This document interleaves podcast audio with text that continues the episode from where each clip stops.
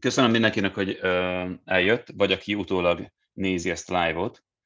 Ugye itt a digitális divatnak a felemelkedéséről lesz szó, ami nekem egy, egy ilyen kis szívemcsücske, mondhatjuk így ez a téma, ugyanis mindig érdekelt a divat. Tehát én, én 10, nagyjából 14 éves koromtól tudom, hogy nekem lesz majd egy divatmárkám, és folyamatosan tanultam ez ügyben, kapcsolatokat építettem, tényleg nagyon-nagyon sok helyen utána néztem ennek a témának, de most, ahogy bejött így a, a blockchain, az NFT-k, a metaverzum, ez így ezt a tervemet most totál átváltoztatta, és egyébként én is majd egy ilyen digital márkát szeretnék létrehozni. Egyébként tehát így dolgozom is már rajta, és ezáltal így folyamatosan gyűjtöm az infókat a digitális divatról, úgyhogy elég nagy információ pakkot szedtem most nektek össze.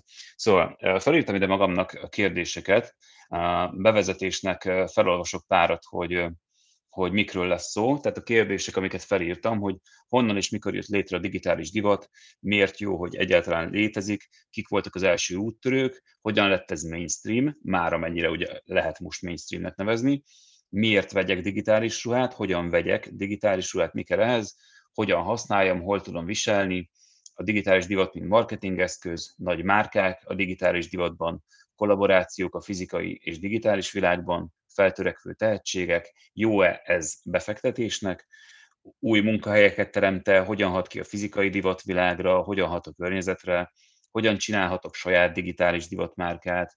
Ugye ez, nevezhetjük ezt az új flexnek, tehát hogy ugye eddig nagyon sokan azzal úgymond flexeltek, így ilyen fiatalos, divatos szóval um, kiemelve, hogy ugye mit tudom én, tehát hogy vagánykodsz mellett mondjuk, ha van egy Gucci táskád, és akkor nevezzük így mondjuk.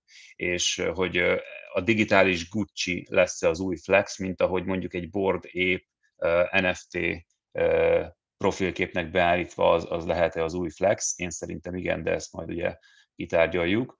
Tehát, hogy mi ennek az egésznek a jövője egyáltalán, és még pár kérdés, amik ilyen általános kérdések, szóval ezekről lesz szó a mai adásban. Úgyhogy kezdjük is el, tehát hogy honnan indult ez az egész digitális divat. Um, ugye ez még nagyon korai időkre vezethető vissza, és annyira pontos dátumokat nem fogok nektek mondani, de a lényeg az, hogy ez, ez a videójátékokból indult, ez az egész. Tehát, hogy a videójátékokban, akár egy Fortnite-ban, akár, sőt a Fortnite-nál sokkal előbb, előbbi játékokban lehetett már skineket vásárolni, amivel ugye a saját karaktereinket tudjuk felöltöztetni az adott videójátékban. Tehát innen indult ki az egész, és igazából dollár tízezreket, százezreket, vagy szerintem megkockáztatom, hogy dollármilliókat is költöttek emberek erre, hogy különböző skineket vásároljanak videójátékokban. Így, hogyha az egész iparágat nézzünk, szerintem nyugodtan mondhatok dollármilliókat. És ugye utána jött az, hogy, hogy ugye bejött a, bejött a blockchain, bejöttek az NFT-k, és akkor ezzel együtt kinyílt így picit a világ, és ugye a digitális művészek, úgymond a 3D artistok, a, a motion designerek, meg, meg aki csak simán mondjuk, nem tudom, iPad-en rajzolt, tehát illusztrátorok is, meg mindenféle szakákból felismerték azt, hogy oké, okay, akkor én is, én is csinálhatok NFT-t, és aki mondjuk érdekelt volt a divatban, és mondjuk divattervező volt, vagy, vagy, vagy divat skicceket csinált, azok is ugye felismerték azt, hogy oké, okay, akkor én már tudok digitális ruhákat is eladni akár online, és, és szerintem ez volt, a, ez volt így a következő lépcső. Utána ugye jöttek, az, jöttek azok, hogy ugye a fizikai márkák, tehát mondjuk egy Louis Vuitton, egy Gucci is elkezdett már így a, így a digitális piacon terjeszkedni, ezekről majd lesz szó egyébként konkrét példákkal. Aztán a következő lépcsőben történt meg, hogy létrejöttek digitális divatmárkák, amik már fizikai valójukban nem is léteznek, csak konkrétan a virtuális világban. Az, hogy ezeket mire lehet használni, meg hogy ez is, ezt is ki fogjuk fejteni a, a mai adásban. És, és utána pedig ugye létrejönnek már, ebből még nem olyan sok van, sőt talán egy-kettő van a világon, a digitális divat piacterek a márkáknak, mint például egy, egy About You, aki a Hypeware nevű úgymond marketplace-t már fejleszti, és ugye fel lehet iratkozni, vagy fel lehetett iratkozni az első ingyenes NFT-kre a Hypeware oldalukon, és az konkrétan úgy képzeljétek el, hogy az, egy, az tényleg egy digitális marketplace lesz különböző digitális ruhamárkáknak, mert ugye nyilván az About You is, meg az egész piac azt predestinálja, hogy, hogy azért ez, ez a jövőben ez nagyon elterjedt lesz, hogy, hogy, hogy minden egyes fizikai márka egyrészt majd be fog lépni a digitális piacra, másrészt rengeteg olyan digitális új márka fog létrejönni, ami fizikai valójában nem fog létezni, csak digitálisan, mert hogy ez tényleg egy új flex lesz, hogy mondjuk a, az újonnan keletkező digitális divatmárkákat, divatmárkák ruháit viselheti az avatarod a, a videójátékban. Azt, ja, Rob, itt van Robi. Még fel lehet, ha valakit érdekel. Mire gondolsz?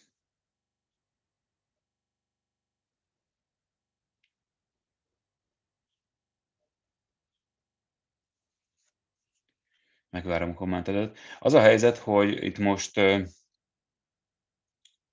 itt most ö, olvastam arról, hogy a YouTube-on elvileg már ér az a lehetőség, Ja, az ingyen NFT-re még fel lehet a Hypeware, oké. Um, megtanít, hogy beírod ide a, a, a weboldalukat? Oké, és akkor a, akkor a Hyper, az About You Hyper oldalán még lehet az ingyen NFT-kre regisztrálni, úgyhogy regisztráljatok, mert hát ki tudja, mennyit fog érni, de mindenképp tehát ingyen van, szóval veszíteni nem tudtok vele. Oké, és tehát én néztem azt, hogy egy pillanat. Aha.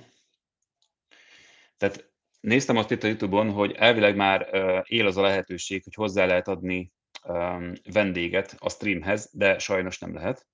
Úgyhogy mivel egy picit csúsztunk, ezt, ezt most már nem fogom leállítani, hanem azt fogjuk csinálni, hogy majd egy következő streamet is csinálunk, és akkor a, és akkor a vendégeim is a vendégeimmel majd csinálunk egy beszélgető streamet is, de akkor ezt most így megtartom, megtartom én. Jó, menjünk tovább.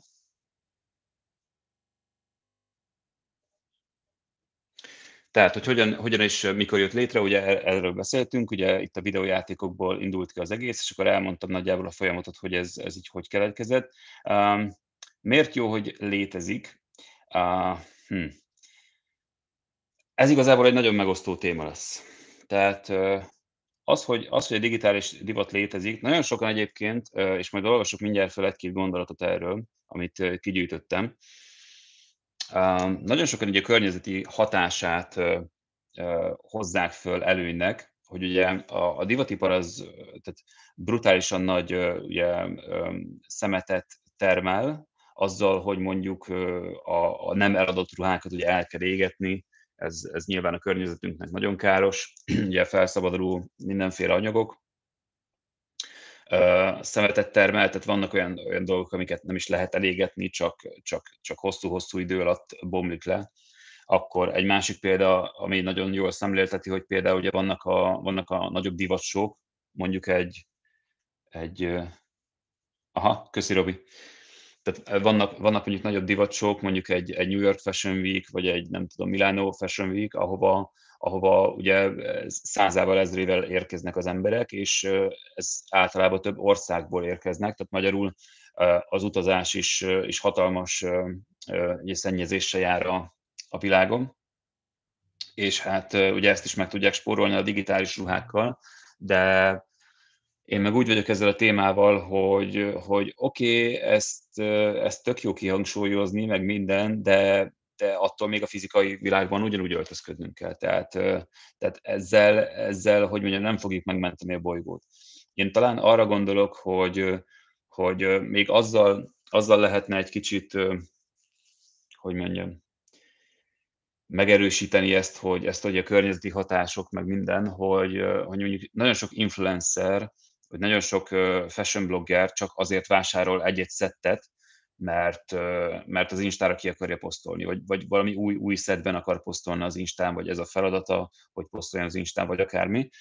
És na az ő köreikben például nagyon sokat lehet majd azzal spórolni, hogy mondjuk az egyik ilyen digitális divat applikációban, tegyük fel mondjuk a DressX applikációjában, kiválaszt egy digitális ruhát, vagy hát azt megveszi, és mivel nyilvánvalóan ez fizikai valójában nem kell magára ölteni, csak egy ilyen, ilyen kb. egy árfilterrel fel tudja venni, viszont abban is tud lőni egy selfit, vagy tud a, nem tudom, a párja lőni róla egy képet, és ezt kiposztolja a, az Instán, akkor nyilvánvalóan, hogyha, hogyha ezt, ezt felszorozzátok, ezt, amit mondtam, nem tudom, több százezer, vagy több tíz, legalább több tízezer influencerrel, és meg több százezer képpel, meg, meg, meg szettel, akkor ott már lehet egy, egy nagyfokú környezeti hatása ennek a dolognak. De egyébként azzal kampányolni, hogy ez, ez környezeti hatás, tehát hogy uh, nem tudom, tehát nekem, nekem ez még kicsit fura, uh, mivel mondom a fizikai világban ugyanúgy fel fogunk költözni. Tehát az, az, az oké, okay, hogy valószínű 5-10 éven belül már sokkal több időt fogunk tölteni a metaverzumban, meg, meg annyira valósághű lesz minden, hogy, hogy, hogy, hogy, hogy be is szippant majd minket ez az egész, de ettől függetlenül a, a hétköznapi dolgainkat, a találkozásainkat, stb. stb. azt ugyanúgy a fizikai világban fogjuk majd elvégezni, tehát nem valószínű, hogy a metaverzumban egy sörözés ki fog minket elégíteni, de az, hogyha kimegyünk Budapesten a nem tudom, Fröccs teraszra, az, az már inkább, mert van egy, van egy személyes jelenlét. Szóval ott meg, ott meg nyilván nem tudunk digitális ruhát viselni, vagy ha valaki csak digitális ruhát akarott viselni, akkor azt, hát hogy mondjam, akkor a Fröster az többi szereplőjének lesz egy jó napja, vagy nem. Um, és akkor menjünk is tovább. Uh, ja igen, van egy aktuális hírem, ez elég fontos. Um, én baromi nagy hip-hop rajongó vagyok, meg, meg így szeretem ezt a, ezt a hip-hop kultúrát, sneaker kultúrát, meg alapból Kanye Westet, és Kanye West egy pár hónapja még azt mondta a, nyilvánosan egyébként így a, így a követőinek, hogy, vagy kérte tőlük, hogy ne, ne, ne kérjék rajta számon, hogy ne kérjenek tőle NFT-t, hogy mikor csinál már NFT-ket. És most, egyébként ez egy, egy tegnapi vagy pár napos hír, nem is tudom, most bejegyeztetett egész pontosan a, ugye a Jézus Alter Ego alatt 17 új védjegy bejelentést nyújtott be. Ezek között szerepelnek ugye valuták és tokenek, digitális művészetet kínáló online áruházak, illetve egy ilyen le, szépen fordítva magyarul egy ilyen szórakoztató park, ami valószínűleg virtuális lesz, és majd különböző élményeket lehet ott megélni. Hát ahogy Kanyét ismerjük, ez, ez nem lesz egyszerű, szóval ez valószínűleg egy elég izgalmas sztori lesz, és hát azért látjátok, hogy, hogy az, hogy, az, hogy valamivel, valaminek kapcsán meggondolod magad, az, az, az nem csak nálunk így úgymond átlagembereknél mutatkozik meg, hanem, hanem ugyanígy egy, egy nagy művész is meggondolhatja magát, mert igazából most hogy őszintén belegondolva hülye lenne ebből kimaradni. Tehát tényleg ez az NFT, NFT tehát a blockchain, alapból a blockchain technológia, az NFT-k meg a metaverzum, ez nem egy olyan téma, ami, ami nem tudom, tegnap idejött, és akkor egy hétig marad, és, és utána meg eltűnik. Tehát ez konkrétan egy olyan téma, ami innentől kezdve meg fogja határozni mindenki életét. Nagyon sokan ezt még egyébként nem tudják, fogalmuk sincs róla, tehát mondom olyan, mintha az internetnek a leges legelején lennénk, de attól még, attól még igaz. Tehát ez mindenki életében ott lesz, mindenki életét meg fogja határozni, valaki már most felismeri, és akkor nyilván egy hatalmas előnybe lesz, tehát hogy gondolj bele, hogy ha az internet legelején ott lettél volna, és láttad volna az ottani lehetőségeket, valószínűleg most már milliárdos lennél, hogyha okos üzletember vagy. Tehát aki, aki szintén egy okos üzletember, és meglátja itt a blockchainben a lehetőségeket, meglátja azt, hogy baromi sok mindenben még itt újdonságokat tud hozni, újító tud lenni, hát az óriási előnyökkel jár majd. És, és hát nyilván a Kanye West se akar ebből kimaradni, úgyhogy izgatottan várom én legalábbis, hogy a Kanye miket fog kihozni. A, nézzük a gazdaságot, tehát a gazdaság, ugye itt a kicsit a metaverzumra, hogy rátérve, 2030-ra egy 50 milliárd dolláros piaci lehetőséget predestinál a Morgan Stanley a metaverzumnak. Na most nem Józsi bácsi a szomszédból, hanem itt a Morgan Stanley-ről beszélünk. Tehát ha ő azt mondja, akkor az, akkor az nagy valószínűséggel vagy úgy lesz, vagy közel lesz az igazsághoz, de semmiképp nem, nem, nem tekinthető, ez egy, ez egy légből kapott hírnek. Um, és akkor itt egy picit megállnék, mert beszéljünk, a, beszéljünk itt az árazásról, jó? Tehát felolvasok egy, egy gondolatot. A digitális cikkek köztük az NFT-k árazása trükkös lehet. A túlárazás azzal a kockázattal jár, hogy elidegeníti a lelkes közönséget. Az alulárazás vagy az árverésre bízás a márka leértékelések, leértékelésének látszatát kelti. A részben ezért döntött úgy a Klinik és a Louis Vuitton, hogy inkább elajándékozza, mint sem eladja a NFT kollekcióit. A Gucci és a Ralph Lauren pedig azért árazza a Robloxban található digitális tárgyakat jóval alacsonyabbra, mint amennyit azok érnek.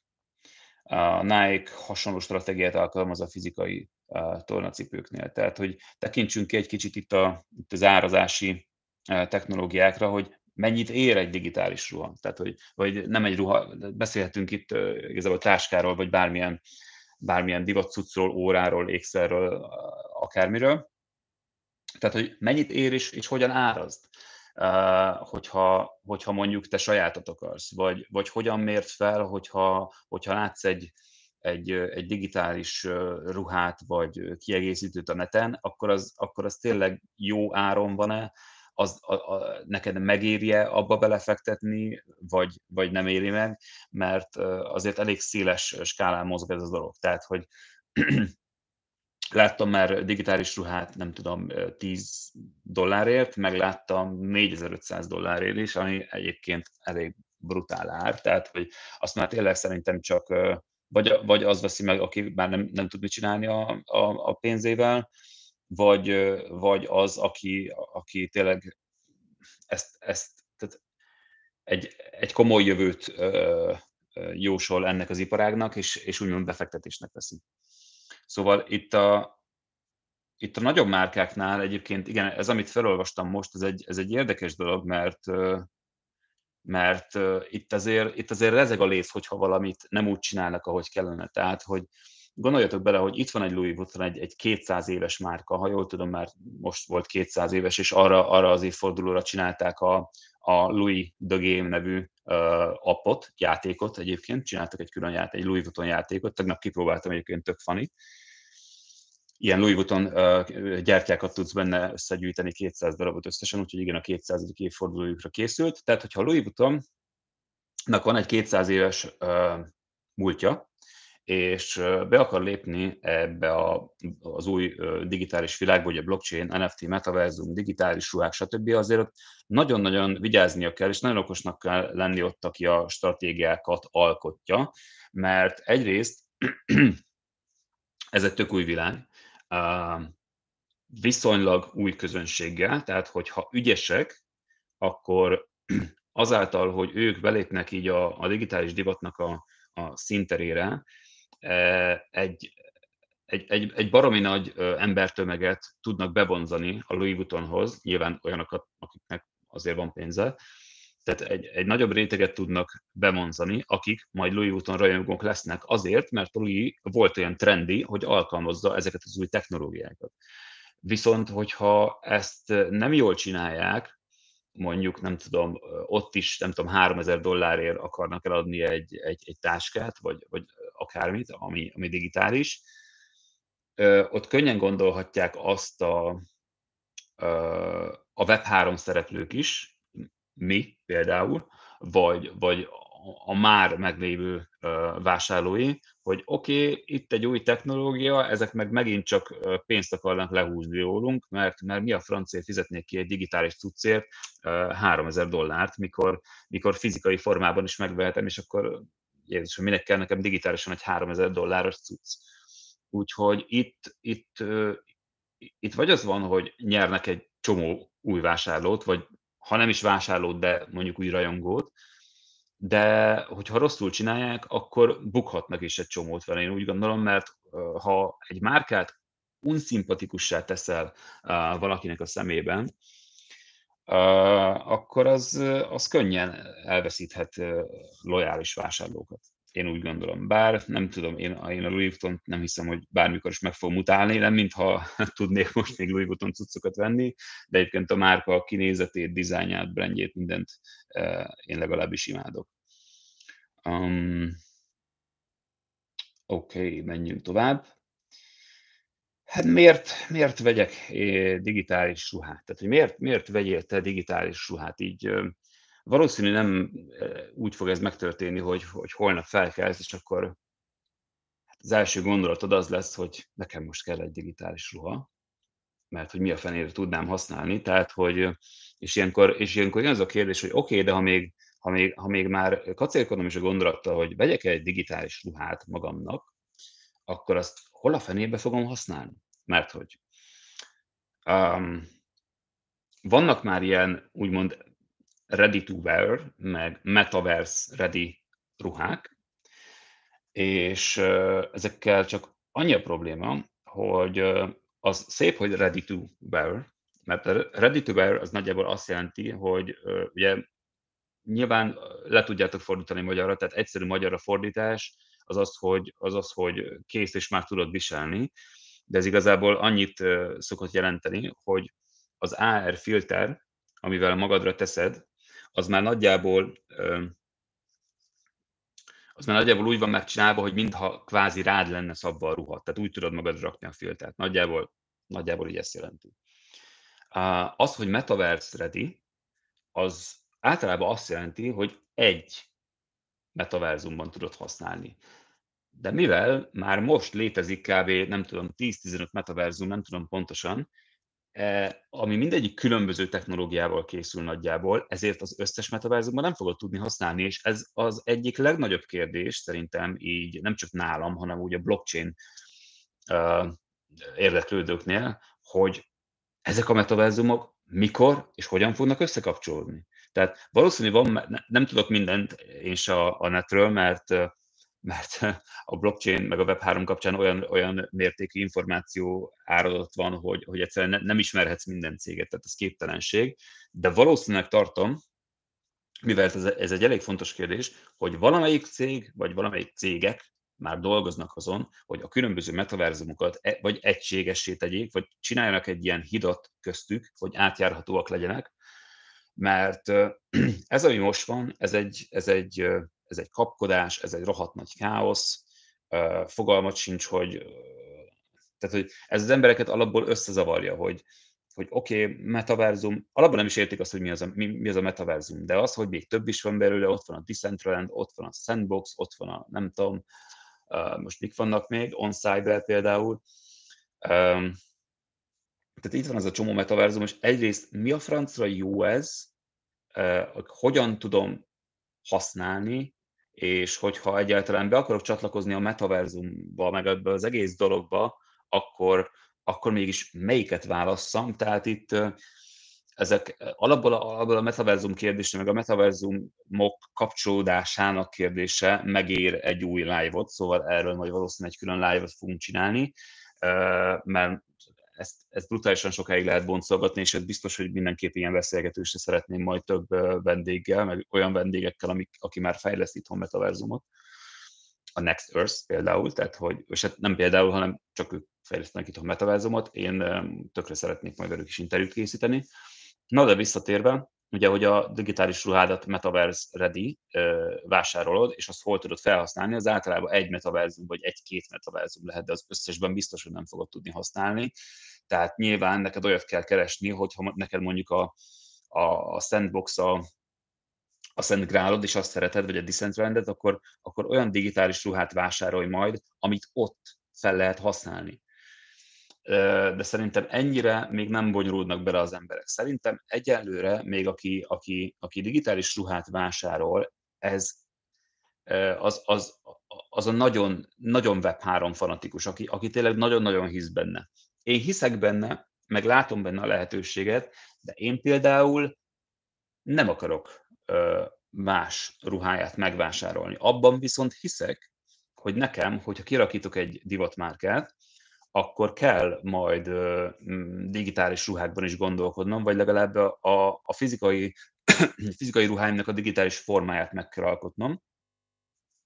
ha más nem, akkor csak ugye egy NFT azonosítás formájában, de mindenképp tök jó lenne, hogyha a fizikai ruháim digitálisan is meglennének, és akkor azt majd az én általam kialakított ökoszisztémában tudnák használni az emberek az avatárjukon, vagy játékokban, vagy akárhol. Tehát én ebben gondolkozom, viszont én nem szeretnék venni. Szerintem, aki most vásárol uh, digitális ruhát, az, az inkább azért vásárolja, mert, mert mondjuk be akar fektetni ebbe a dologba, mert hosszú távon ugye látja, hogy ez, ez valószínűleg elég sokat fog érni, és szerintem igaza lesz.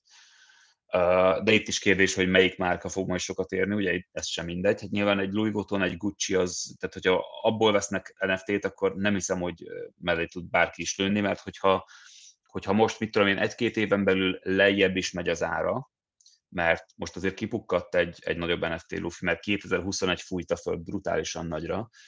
Tehát, hogyha most az elkövetkezendő 1, 2, 3, 4 évben lejjebb is fog menni az értéke, akkor is, hogyha tudsz hosszú távon gondolkodni, 10-20 évről beszélek, akkor nincs az az Isten, hogy egy Louis Vuitton vagy egy Gucci NFT, amit az elsők között adtak ki, az ne érjen sokat. Tehát nincs az az Isten. E, ezt gondolj bele, hogy ez, ez, ez fizikai formájában is így van, tehát hogy az első, nem is tudom, hogy annak van-e értéke, valószínűleg már csak eszmei értéke van az első Louis Vuitton táskáknak, vagy, vagy termékeknek, tehát nem hiszem, hogy egyáltalán meg lehet őket venni.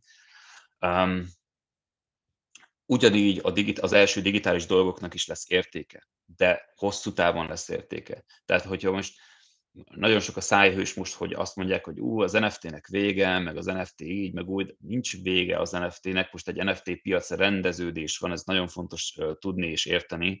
Én, én nem is ugrottam bele ebbe az NFT traderésbe, meg, meg ilyenbe, mert nem, nem, nem akarok ezzel foglalkozni. Én, én azzal akarok foglalkozni, hogy a hosszú távú kivetüléseit vizsgálom, és megértem az összefüggéseket, és erre építek majd egy hosszú távon elépítek majd hosszú távon egy, egy nagy Web3-mal kapcsolatos vállalkozást, vagy vállalkozásokat. De előbb meg szeretném totálisan érteni az egészet. Ennyi. Szóval, szóval miért vegyél digitális ruhát?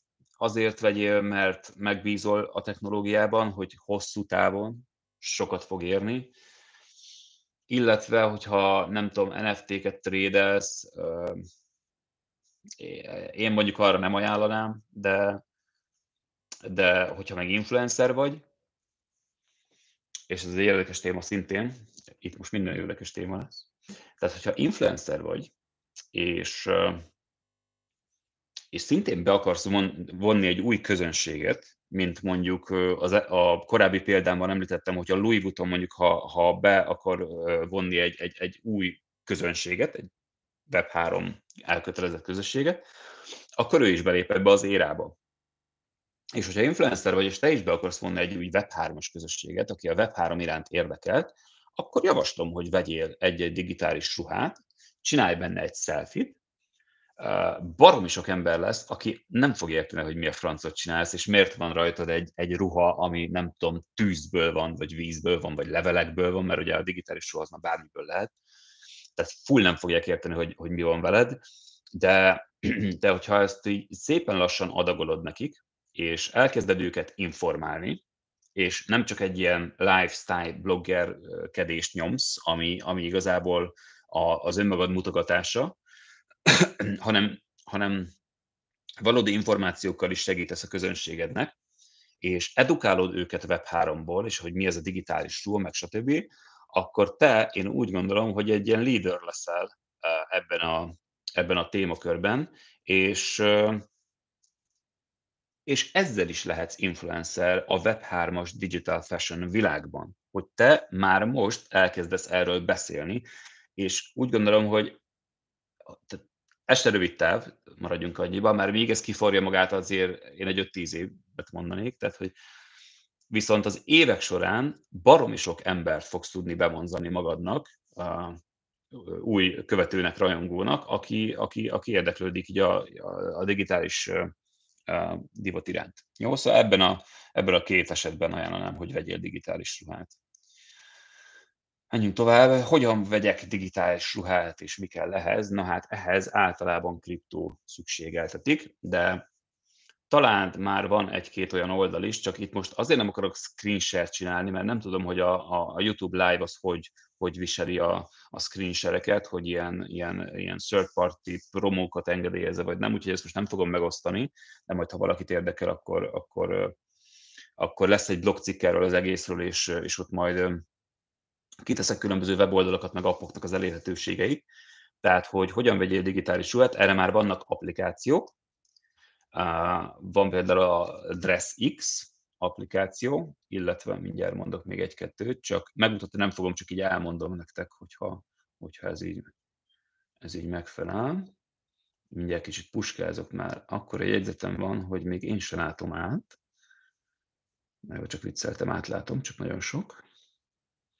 Tehát, hogy van a DressX, akkor van a Zero 10, tehát 10, 0, 10. Ezek, ezek letölthető appok a telefonodra, és van a Close, amit úgy írnak, hogy CLO, kötőjel Z. Na ez a három legnagyobb applikáció, ahol tudtok digitális ruhákat vásárolni.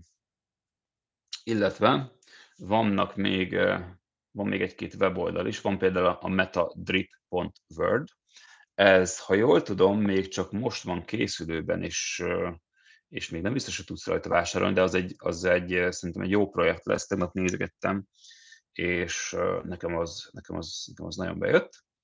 Illetve vannak még kisebbek, amiket nem gyűjtöttem ki, mert igazából ez a három, ami, ami tényleg lényeges és érdemes vele egyáltalán foglalkozni. Úgyhogy általában igen, tehát ahhoz, hogy digitális ruhát vegyél, tehát, sőt, kicsit visszamegyek. Valószínű, hogyha digitális ruhát akarsz venni, akkor a kriptóval azért nagyjából már tisztában vagy. Tehát, hogy, hogy nem hiszem, hogy bárki, aki, aki a Web3-mal elkezd foglalkozni, um, annak először a, a digitális divat fog így bejönni a képbe, szerintem biztosan nem, hanem először fogsz hallani a bitcoinról, ethereumról, kriptotárcákról, stb. szerintem nagyjából mire eljutsz oda, hogy digitális fashion, akkor, akkor már azért van egy kriptotárcád, amiben van egy kis kriptó, és akkor ezeket általában kriptóval tudod megvásárolni, de lehet, hogy valamelyik már elérhető egyébként sima mastercard is, most nem tudom pontosan, de legtöbb esetben egy kriptotárca szükséges hozzá. És a kriptotárcádban ezt egy tokenként fogod megkapni az adott digitális terméket.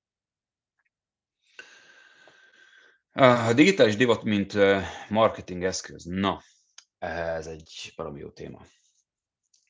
Um, ugye a, az LV a Louis-nál már ott, ott, ott felemlegettem, hogy igazából igazából hogy mondjam, próbálom egy kicsit körbeírni nektek, tehát hogy nem feltétlenül kell, ha, ha most van egy fizikai márkád, maradjunk annál, ha most van egy fizikai márkád, akkor nem feltétlenül kell akkora effortra gondolni részedről, hogy én most akkor a fizikai márkámhoz megcsinálok egy teljes uh, digitális kollekciót, ami mondjuk áll, nem tudom, 50 ruhadarabból, nem kell ebben gondolkodni. Gondolkozhatsz, hát ha megvan a, megvannak a forrásaid hozzá, meg ki tudsz fizetni designereket, akik megcsinálnak 50 ruhadarabot, ami, ami valószínű, hogy nem lesz olcsó, viszont baromi drága lesz, akkor csináld, de én azt csinálnám, hogy nem egy új szolgáltatásként, vagy egy új bevételi forrásként gondolkodnék a digitális divatban, most még kezdetnek,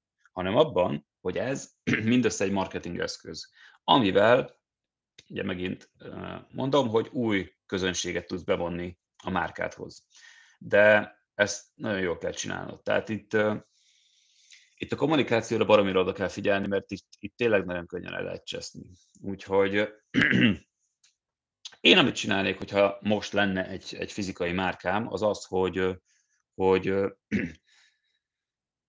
kitalálnék mondjuk vagy egy, egy darab szettet, vagy egy pólót, vagy egy bármit értékesítesz, csajoknál ugye ruhát, vagy akármi, és, és és erre építenék fel egy kommunikációt, hogy, hogy, hogy az én márkám annyira innovatív, hogy kacsingatunk a blockchain felé is, és elkezdünk ezen a téren mozgolódni. és, és kidobunk egy ilyen, egy ilyen tesztruhát, hogy, hogy mit szóltok hozzá. És ezt nyilván valahogy úgy csinálnám meg, hogy, hogy legyen belőle egy ilyen, egy ilyen UGC is, tehát egy ilyen User Generated Content, ami azt jelenti, hogy mondjuk abból a ruhából csinálnék egy AR filtert, amit mondjuk én magamra tudok rakni, mondjuk ezt a, nem tudom, egy ilyen pólót, beszéljünk pasik esetében egy póló, pólóról, tehát, hogy egy pólót ilyen árfilterrel, amit egy sima Instán is ismeritek ezeket az árfiltereket, Snapchatből, Instából, stb. Tehát egy árfilterrel magamra rakom, lövök egy selfit, és feltöltöm az Instára, vagy akár, akármelyik social platformra, és akkor erre kitalálok egy külön hashtaget, hogy mondjuk nem tudom, én márkám X blockchain, vagy, vagy valami ilyesmit, ezt, ezt, nyilván ez mindenkinek a kreativitására van bízva, és ezáltal, egyébként erre csinálok egy nyereményjátékot, hogy, hogy használjátok, vagy uh, vegyétek meg ezt a ruhát, vagy kiadom ingyen ezt a ruhát, az még jobb egyébként, szerintem elsőre még nem biztos, hogy pénzt kérnék el ezért, tehát hogy megcsinálsz egy digitális ruhát, kiadod ingyen, árfilterrel csinálnak az embereket szelfit, és akkor valami, valamilyen nyereményjátékot csinálsz rá, hogy lehet, nem tudom, nálad nyerni, vagy egy fizikai ruhát, vagy egy kollekciót, vagy pénznyereményt, vagy akármit. Tehát legyen az, hogy mondjuk nyerhet tőled egy nem tudom, egy, egy itt tök jó szettet fizikai formában, hogyha használja ezt a, tehát felveszi ezt a digitális ruhát, magyarul használja az AR filtert, feldobja azt a képet, nem tudom, Instára, és használja az X hashtaget, és akkor azok között, akik ezt megteszik, kisorszolsz egy fizikai kollekciót. És akkor ezzel már így mutatod a különböző blockchain közösségnek, mert hidd el, hogyha csinálsz egy ilyen nyereményjátékot, akkor a Web3 fanatikusok ezt fel fogják kapni, legalábbis engem mindenképp megkereshetsz ezzel, mert akkor szeretnék veled egy interjút csinálni, meg akkor kidobjuk ezt mindenhova hírnek. Mert most még minden hír, most még minden, ami a Web3-mal kapcsolatos, főleg Magyarországon, kisország vagyunk, ez minden, amit te úgy gondolsz, hogy jelentéktelen hír, az is hír és fontos hír. Tehát, tehát ez, ez mondjuk levezényeltem így akkor egy, egy ilyen szolidabb marketing kampányt, amivel, amit viszonylag um, egyszerű kivitelezni. Jó, és akkor így be tudsz vonni olyan embereket, akik a Web3, Web3-mal kapcsolatban érdekeltek, de nem valószínű, hogy lettek volna másképp a követőid, rajongóid, viszont most, hogy látják, hogy azért valamennyire, valamiben egy húron pendültök, lehet, hogy innentől fog tőled vásárolni már fizikai ruhákat is. Tehát, hogy abszolút nem tudhatod, mert azt azért tudjuk, és mindig kihangsúlyozom, hogyha valaki bevállalkozásról beszélek, hogy emberek azok nem cégekhez kapcsolódnak, hanem emberek azok emberekhez kapcsolódnak legtöbb esetben, jó? Legtöbb esetben. És hogyha látják, hogy te egy olyan ember vagy, és ezt kommunikálod is, aki, aki érdeklődik ez iránt a technológia iránt, akkor tök szimpatikus lesz e, ezeknek az embereknek szemében. Jó, úgyhogy én, én így használnám marketingre. Nyilván 600 millió megoldás van, hogy mikor lehet használni egy, egy digitális ruhát marketingre, de ez mondjuk egy egyszerű megoldásra. Remélem, hogy így ezzel uh, tudtam neked segíteni.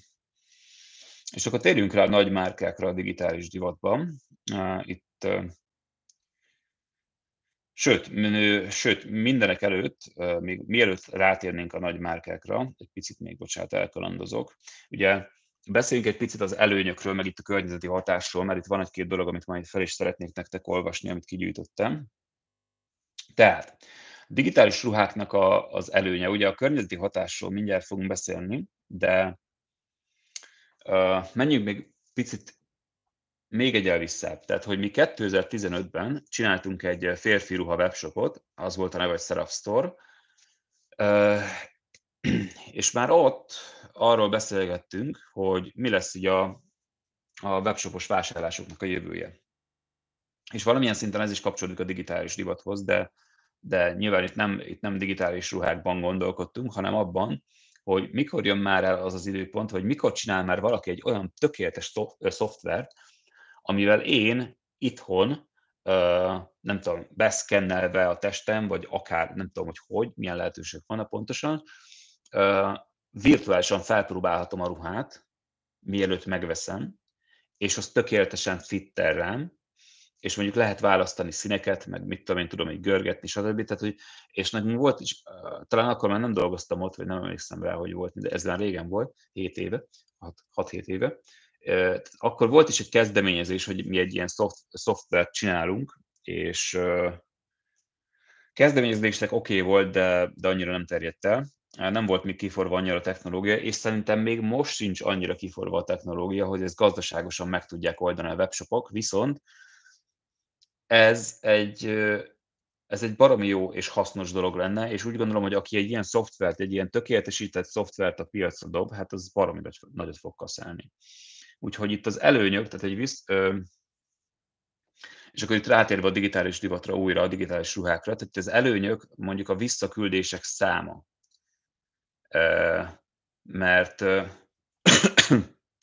na, mármint, bocsánat, elkondoztam kicsit. Tehát még az előző szoftvernek az előnye, ez nem a digitális ruháknak, tehát az előző szoftvernek az előnye, hogy visszaküldéseknek ugye lecsökkenti a számát, mivel otthon fel tudod próbálni a ruhát, nagyjából látod, hogy hogy fittel rád, mert erre mondok egy példát, tehát volt nálunk nagyon sok olyan vásárló, aki, aki sőt, itt telefonon is beszéltünk velük, és mondtuk neki, elmondtam a méreteit, hogy ilyen magas, meg ennyi kiló, és akkor mondtam rá, hogy oké, okay, neked M vagy L méretű ing szükségeltetik. Elfogadta, megrendelte, megérkezett neki, felpróbálta, és csinált egy képet nekünk, hogy ez, ez neki nem jó. Megnéztem a képet, és konkrétan olyan volt az ing, mintha így ráöntötték volna, tényleg baromi jól állt a gyereknek, és akkor jöttem rá, hogy oké, okay, basszus, csak ő ahhoz van szokva, hogy két számmal nagyobb méretet hord, mert neki az a kényelmes.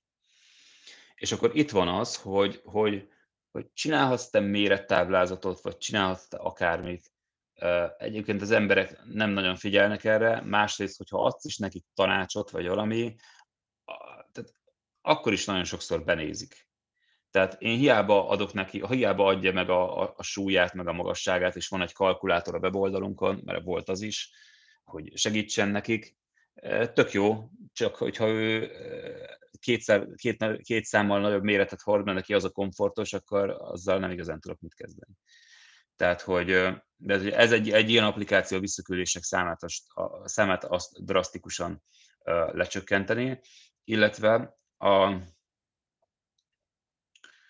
illetve a ruhák, tehát mikor gyártasz egy, egy ruhát, akkor ugye annak vannak prototípusai, és itt a gyártáskor ugye digitálisan megnézhetnénk több színvariációt például egy, egy ilyen digitális szoftverrel, és így nem kellene annyi anyagot elpazarolni. Ez kifejezetten ugye a gyártás technológiánál lenne hasznos, illetve ugye tudatosabban is tudnának vás, választani a vásárlók a, a, a webshopról nyilvánvalóan, hogyha látja magán a terméket, mert lehet, hogy, tehát én is sokszor belefutottam már olyanba, hogy a neten tök jól nézett ki ez a cucc, megrendeltem, felvettem, és nem állt jól de egyébként a, annak a, a modellnek nagyon jól állt, nekem meg nem állt jól. Úgyhogy így, ha előre fel tudtam volna próbálni, legalább digitálisan, akkor ezt ki tudtam volna küszöbölni. És akkor itt, itt megint megspóroltam volna két szállítást, ami szintén megint ugye szennyezi a környezetet.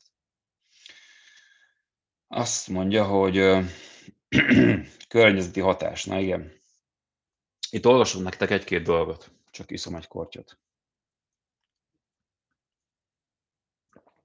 Tehát a DressX applikációról ugye beszéltem, na ők 2020-ban már utána jártak, hogy milyen környezeti hatása van egy digitális és egy hagyományos ruhadarab előállításának.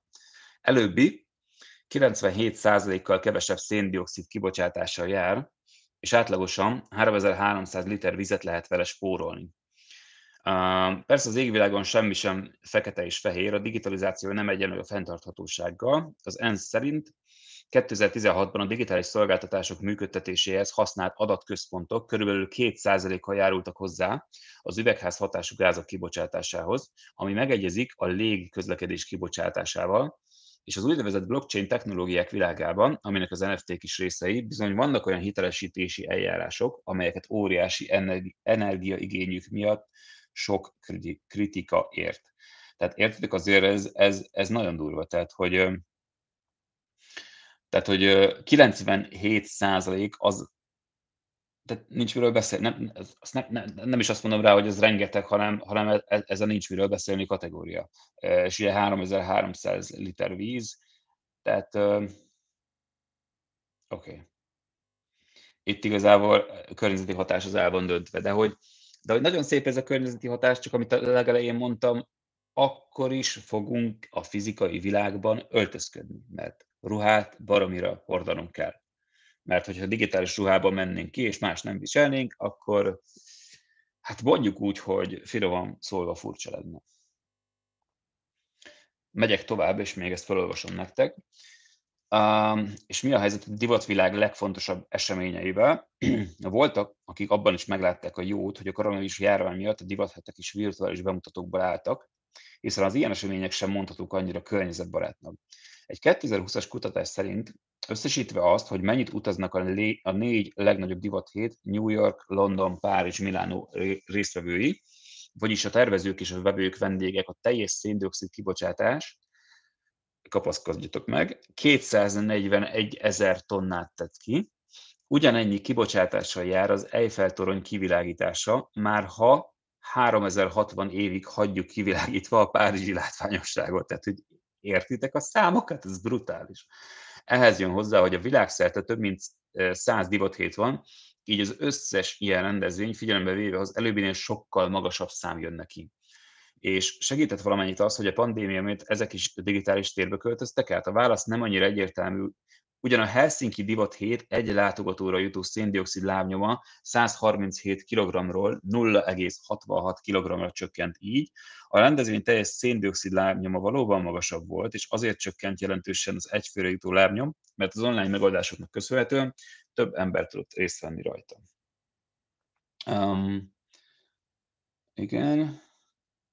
Igen, ez meg majd egy következő téma lesz. Tehát, hogy brutális számok vannak. Tehát, hogy uh, bele se gondolunk már, már igazából, tehát most oké, okay, nézed, nézed a híradót, nézed a híreket, olvasod, hogy oké, okay, divathét, látsz több, ö, sok ö, jól felöltözött embert, nagy buli az egész, minden, és, és ha egy kicsit környezettudatos vagy, azért, azért ezek a számok így megrémítenek.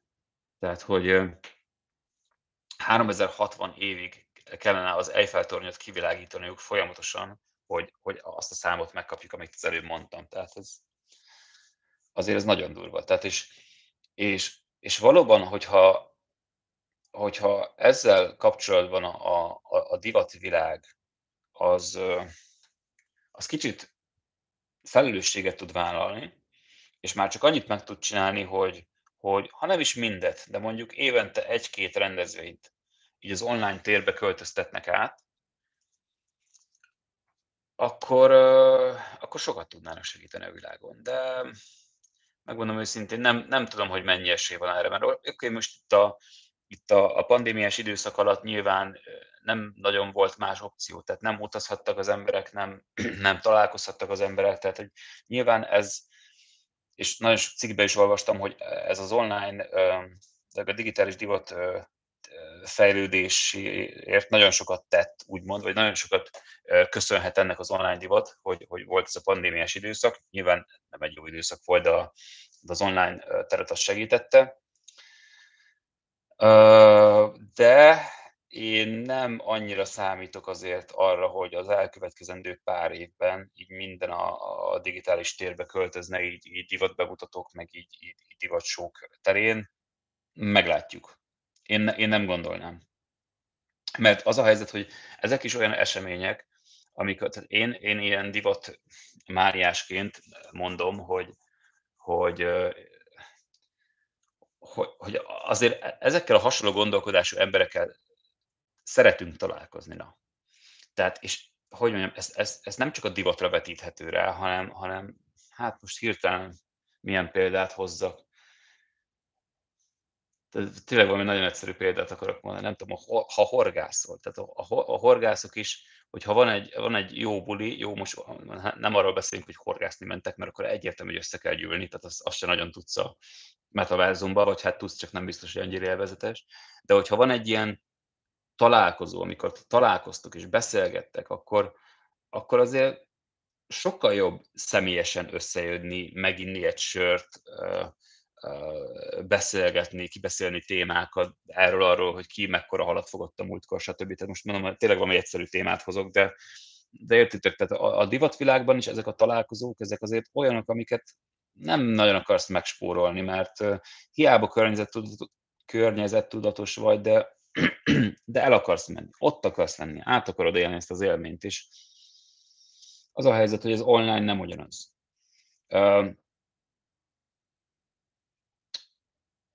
Kicsit, hogy mondjam, azt akartam mondani, hogy lehet majd, hogy lesz ugyanaz, de, de nem lesz. Tehát, hogy inkább azt mondom, hogy lesznek olyan metaverzumok, meg lesznek olyan virtuális terek, sőt már vannak is, amikbe, hogyha egy VR szemüvegbe belépsz, akkor tényleg olyan, mintha valóságban lennél, és nem egy, nem egy nem tudom, rajzolt környezetben, vagy egy rajzolt metaverzumban lennél, hanem, hanem itt tényleg olyan, tényleg olyan valósághű, mintha, mintha itt lennél a való világban.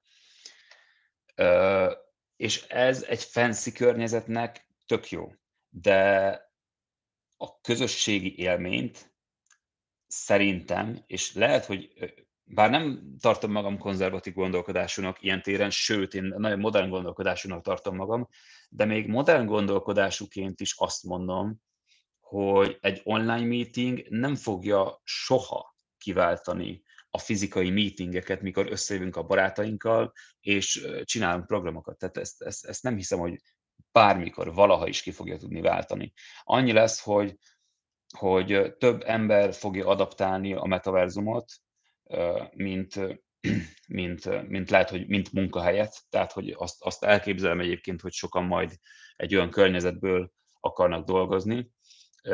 Mondok erre egy példát, hogy mondjuk nem tudom, otthon nem tudom, nem egy, nem egy tök jó szobád van, és te mondjuk itt a Baliról akarsz éppen dolgozni a tengerpartról, és onnan, mert mondjuk te egy író vagy, és könyvet írsz, vagy cikket írsz, vagy akármit írsz, és akkor felveszed a VR szemüveget, és, és, akkor, és akkor konkrétan ott vagy a, ott vagy a tengerparton, és ott írod a könyvedet, vagy mondod fel hangba, hangjegyzetekbe, vagy akármit csinálsz, de ott vagy Balin, és full valósághű a környezet. Tehát, hogy az ilyen élményeket én szerintem egyre többen fogják adaptálni, de mondom visszatérve, a közösségi élményeket ez szerintem soha nem fogja uh, felváltani. Olvasok, olvasok még egy dolgot nektek. Az elközdeménye szerint 2020 májusában New Yorkban értékesítették a világ első digitális ruhadarabját egy jótékonysági aukción 9500 dollárért. Fényesen csillogó, valamennyire áttetsző terméket Amber J. Slaughton, a The Fabricant kreatív igazgatója tervezte, illetve illesztette rá a beküldött képre. Az egyrészes, több ezer dollárt érő virtuális öltözékre főleg határokat feszegető megjelenése miatt figyeltek fel az emberek és a média, ami nem meglepő, hiszen a 3D modellezésnek nincsenek határai. És valóban nincsenek, ugye itt van előttem a ruha, ezt majd a blogcikkben, az összefoglaló blogcikkben fogjátok látni, mert oda majd, oda majd képként be fogom tenni. Azt mondja itt a, itt a fenntarthatósághoz még annyit, hogy tehát a szemét kérdés, ugye itt a divat termél a legtöbb, egyik legtöbb szemetet, ugye EU szinten évente 160 millió tonnát, és ugye, és ugye ezen is, ezen is azért jócskán tudna segíteni itt a, itt a digitális divat, de mondom, azon a téren, mikor nem a fizikai ruhatáradat akarod leváltani, hanem mondjuk te csak egy, nem, nem csak, nem, na, idézőjelbe rakom, hogy te mondjuk egy fashion blogger vagy, és csak azért veszel cuccokat, hogy azt Instára kiposztolhassd. De most nem, ezt most nem degradálóan mondom, csak tényleg ez egy sokszor egy munka, ami azzal jár, hogy új cuccokat kell venned, vagy hát vagy reklámoznod kell valamit. És akkor erre tök jó lehet az, hogy nem, nem, nem veszel meg teljesen fölöslegesen egy, egy fizikai ruhát, amit igazából egyszer hordanál, hanem akkor felvesz, megveszel egy applikáció vagy digitális ruhát, és azzal szelfizel, és azt teszed fel az Instára. Egyébként valószínű, hogy még jól is jársz vele, mert azért elég durva digitális ruhák vannak, amire már elég, elég komolyan felfigyelnek az emberek. Na és akkor most térjünk rá a nagy márkákra a digitális divatban. És legyen az első, ki legyen az első? Hát egy, kezdjünk egy pár ilyen rövid hírrel. Tehát ennek az, azt a célt adta, hogy hogy kapcsolódik össze a digitális divat ugye a valósággal. A játékvilágban is megjelentek a nagy divatházakkal való együttműködések, nekik tökéletes, tökéletes eszköz jelentenek a játékok a digitális divat elfogadtatásához. Nem mellesleg hatalmas profithoz juthatnak, hiszen egy ruhát csak egyszer kell megtervezni, és nincs más gyártási költsége. Na itt most arról beszélünk, hogy, és akkor ezt a részt még nem érintettük, ez ugye most jön, hogy a, a nagymárkák már nem most, hanem már korábban, majd mindjárt mondok pár példát, és akkor az évszámokat is fogjátok hallani, tehát már nem most, hanem korábban együttműködtek különböző videójátékokkal, ahol is a, a videójátékokban lévő avatarokat lehetett különböző skinekkel felöltöztetni.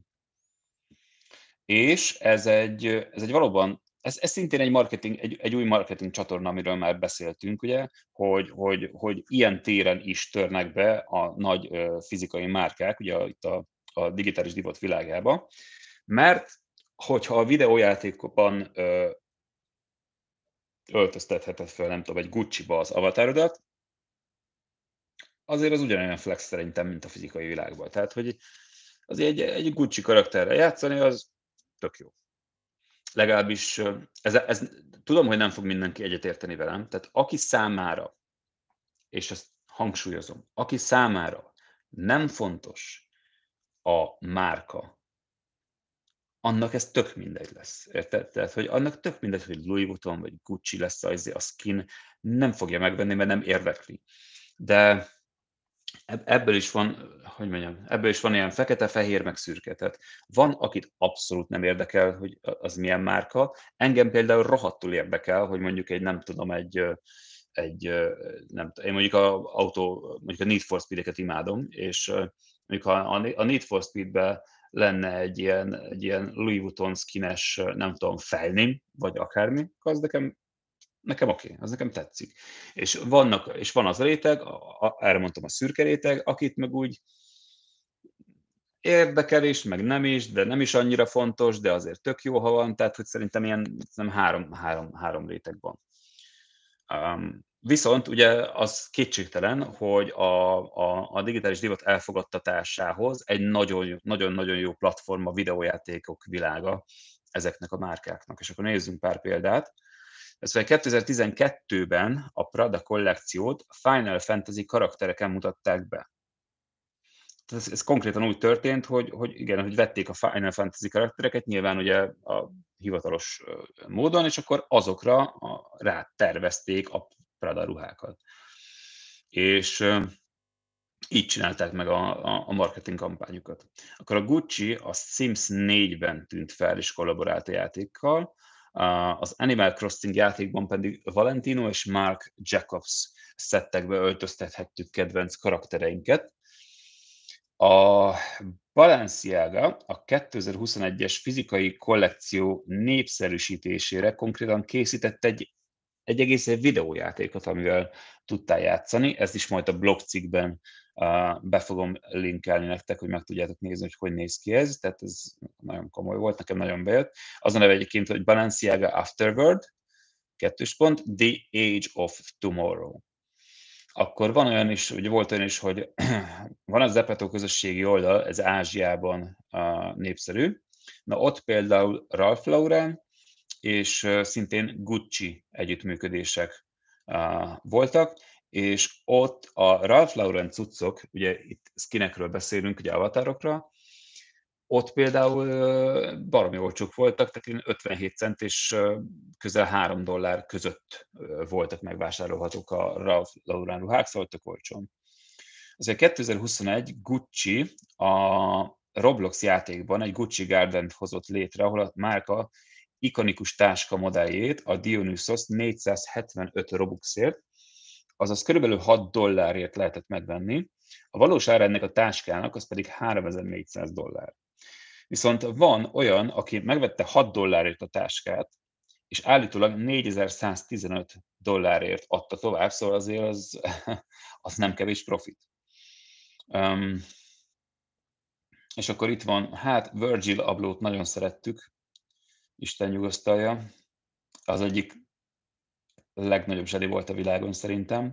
Úgyhogy itt egy idézet álljon tőle is. Tehát az egyik legfelkapottabb designer a Louis Vuitton férfi kollekciójának tervezője Virgil Abloh is meglátta a lehetőséget ebben a technológiában, és azt mondta, hogy olyan virtuális ruhákat akarok készíteni, amelyek olyan dolgokra képesek, amelyeket a fizikai ruhák nem, és dolgokra képesek, amelyekre a fizikai ruhák nem, és lehetővé teszik a vásárlók számára, hogy hozzáférjenek személyes stílusok új dimenziójához. Szóval igen, hát nem véletlenül volt uh, ő, Virgil Abloh. Ő is, látta, ő is látta ebben a technológiában a hatalmas lehetőségeket.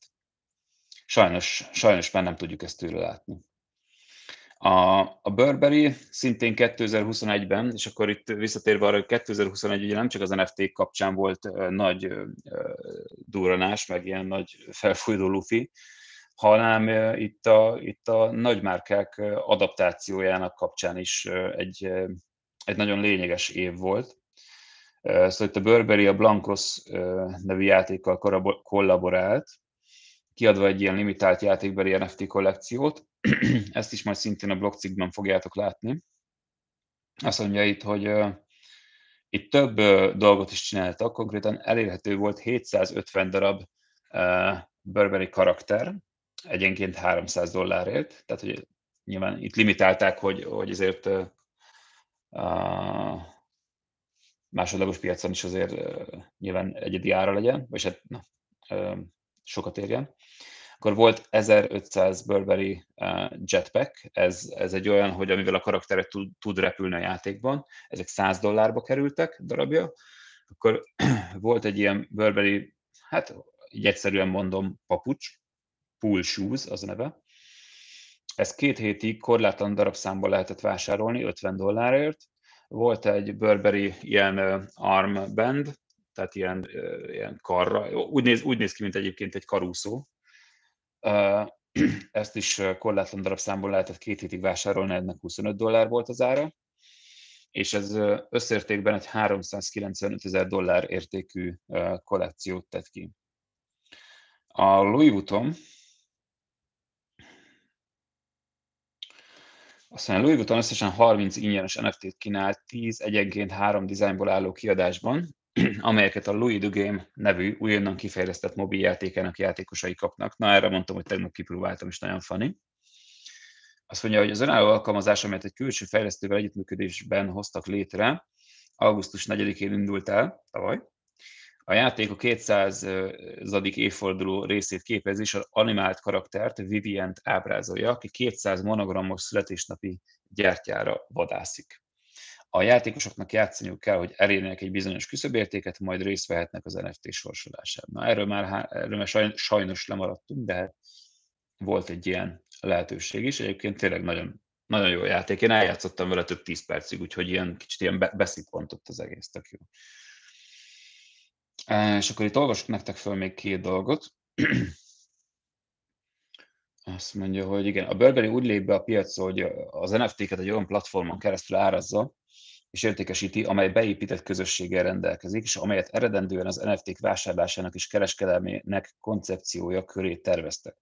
A tárgyak értékhez kötése azzal a kockázattal jár, hogy ez az érték romlik, és, a fogadás, és fogadás köt arra, hogy a játékosok fizetni fognak a Burberry által tervezett ruhákért. Másrészt a Louis Vuitton a saját játékának megtervezésével jobban kontrollálja a környezetet, de meg kell győzni az embereket, hogy töltsenek le egy másik alkalmazást. Azzal, hogy nagyon korlátozott mennyiségű ingyenes NFT-t osztogat, nem kockáztatja az árérzékenységet, de a siker mércéjeként csak a hype-ra épít. Az a 30 ember, aki megnyeri a Louis Vuitton NFT-t, 2022. januárjáig nem vonhatja vissza az NFT-ket, így a márka kimarad a másodlagos piacon történő azonnali értékesítés lehetőségéből, amely gyakran az értékek emelkedésével jár. Ezek a különböző megközelítések jól szemléltetik a luxusdivat NFT-k kialakulását, összetettségét és potenciális lehetőségeit, még akkor is, ha a játék koncepcióján keresztül rögzítik őket. A játék már néhány éve része a gondolkodásunknak, mondja Rachel Waller, a Burberry csatorna innovációért felelős globális alelnöke, akinek az a feladata, hogy újítokat tárjon fel a fogyasztók számára. Rámutat a Burberry egy évvel ezelőtt megnyitott uh, Szentcseni üzletére, amely egy közösségi kiskereskedelmi koncepciót hozott létre, hogy a fogyasztókat jutalmazza a márkával való online és bolti kapcsolatfelvételért, és animált állatfigurákat is tartalmazott.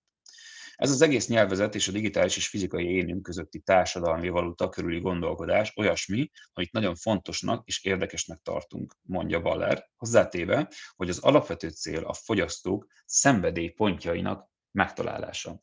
És még egy utolsó gondolat, Baller szerint a játék a luxus fogyasztók szenvedélye, ami a Burberry-t érdekli. Sok szempontból elég izgalmas a monogrammal játszani, amikor ez mentálisan olyan hagyományos dolog. Azt hiszem, ez nagy szabadságot ad nekünk, hogy játékosok, játékosak legyünk. Nagyon érdekel bennünket az nft és a kreativitás gondolata szélesebb értelemben, és ezek mind olyan dolgok, amelyek a megfontolás éterében vannak, miközben ezeket a stratégiákat építjük. Tehát itt az ugye látható ebből a, ezekből a mondatokból, hogy, hogy már ezek a több száz éves múltra visszatekintő divatmárkák, és konkrétan beépítik a stratégiájukba a, itt, itt a digitális divatot. Valaki úgy, hogy mint a Louis Vuitton, hogy egy, egy, egy játékba teszi, és konkrétan ingyen NFT-kat ad, mert ezzel nem akarja megkockáztatni, hogy a márka hírneve sérüljön, és a Burberry az meg épp úgy gondolkozott, hogy, hogy konkrétan ő, ő, ő, ő nem a saját közönségének akarja kiadni, és a saját közönségének egy új dolgot megteremteni, úgymond. Nyilván őket is fogja érdekelni, de egy, kicsit ennél biztosabbra ment. Keresett már egy olyan lelkes közönséggel rendelkező játék, játékot, vagy játékplatformot, ahol már tudták, hogy alapból van érdeklődés így a, a Web3, meg az NFT-k, meg, meg minden iránt, és őket célozták meg uh, skinekkel. Ez ugyanolyan, mint mikor a Prada, a, a, ugye a legelején említettem, hogy a Prada az meg a, az meg a Final Fantasy-val kollaborált, ők is tulajdonképpen a, a játéknak a közön, közönségére ö, mentek rá, és őket szerették volna megfogni, ö, ugye a márka rajongóinak. Úgyhogy mind a kettő egy érdekes és elgondolkodtató út, egyik sem jobb, egyik sem rosszabb, mind a kettő úgy látszik, hogy működik. szóval szóval érdemes, érdemes ezeken gondolkodni. Én úgy gondolom, hogy ez tehát nem kell egyik vagy másik vonalat választani, hanem, hanem meg kell nézni, hogy a mi már, tehát hogy saját magunknak gondolkodunk azon, hogy belépjünk erre, erre az iparágra, mondjuk a, a fizikai márkánkkal, akkor meg kell vizsgálnunk a márkánkat, a célközönséget, a lehetőségeinket, a kapcsolatainkat. Tehát konkrétan ez egy, ez egy új, tehát hogy ha volt eddig egy üzleti stratégiánk, ugye a fizikai világban, hogy hogy megyünk előre, hirdetések, stb. közösségépítés, akkor ide egy teljesen más egy új stratégiát kell megírnunk, és az alapján bemenetelni a Web3-ba. Menjünk tovább a Gucci-val. Itt, hát a Gucci-nak ugye pár együttműködését már felsoroltam, de a legutóbbi az a Superplastikkal való együttműködés volt. A Superplastik az konkrétan ilyen, ilyen, ilyen gyűjthető kollekciókat gyárt, ugye plastikfigurákból, meg, meg nem csak plastikból, hanem, hanem egyéb anyagokból is, és elég sok kollabjuk van, meg van ilyen saját figurájuk is, és a Gucci-val egy ilyen digital gyűjteményt csináltak, és amiben összesen hát ilyen több száz darab, mindjárt nézem, korai, tehát ilyen early access-ben, korai hozzáférhetőségében a Superplastic közösségnek három egyenként 50 darabra limitált NFT és három egyedi NFT-t biztosítottak. Ez volt a mintelés napján, és a mintelés napján ezután egy órával később a Gucci Discord közössége is hozzáférhetett az áhított digitális gyűjteményhez. Tehát magyarul ez durva egyébként, hogy egy divatmárka, valószínűleg nem nagyon volt más lehetősége, vagy nem tudom, de hogy érdekes, hogy a, a Superplastic közössége, az előbb hozzáfért a Gucci NFT-khez, mint a Gucci Discord közössége. Egyébként ez tök érdekes. Nekem legalábbis ez tök érdekes. És pár órával később pedig a Super Gucci kollekció mindenki számára nyilvánosan elérhető lett. Négy változatot kínáltak, egyenként 50 darabos kiadásban, hogy egy teljes összesen 200 NFT tartalmazó kollekciót hozzanak létre. A három részes Super Gucci sorozat 10 egyedi NFT-vel indult, amelyekhez egy-egy kézzel készített olasz kerámia szobor tartozott, tehát magyarul kaptak egy ilyen fizikai szobrot is, amelyet a Gucci és a Superplastic tervezett, ezzel is hangsúlyozva a projekt luxus orientáltságát. Nem volt egyébként olcsó a Super Gucci indulása után megnyílt egy digitális Gucci Concept Store is, egy hatodik Gucci droppal, amelyet Alessandro Michele, remélem jól mondom a nevét, kreatív igazgató és a Gucci archivátoraiból álló csapat által kézzel kiválasztott, egyedileg számozott és egyedi csomagolásban szállított vintage Gucci-val nyitottak meg, úgyhogy ez is egy extra volt. Azt mondja, és a Super Gucci azonban nem a Gucci első dropja volt. Tavaly a ház elárverezte az Aria NFT kollekciót, amelynek ára 20 ezer dollárról indult, így a Roblox Gucci pénztárcákat leszámítva a valaha volt legdrágább Gucci árucikkek közé tartozik, ami szintén durva. Jöjjön az Adidas.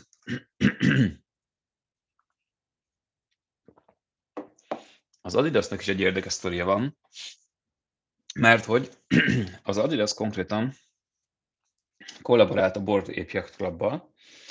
Ugye, aki nem tudná, a Board Ape Yacht Club, nézem közben a csatot is, mert most nem néztem. Oké. Okay. Tehát a, a Board Ape Yacht Club a világ leghíresebb NFT kollekciója. Vagy ha nem is a leghíresebb, de a legjobban hype NFT kollekciója, de szerintem mind a kettő igaz. És a Board Ape srácok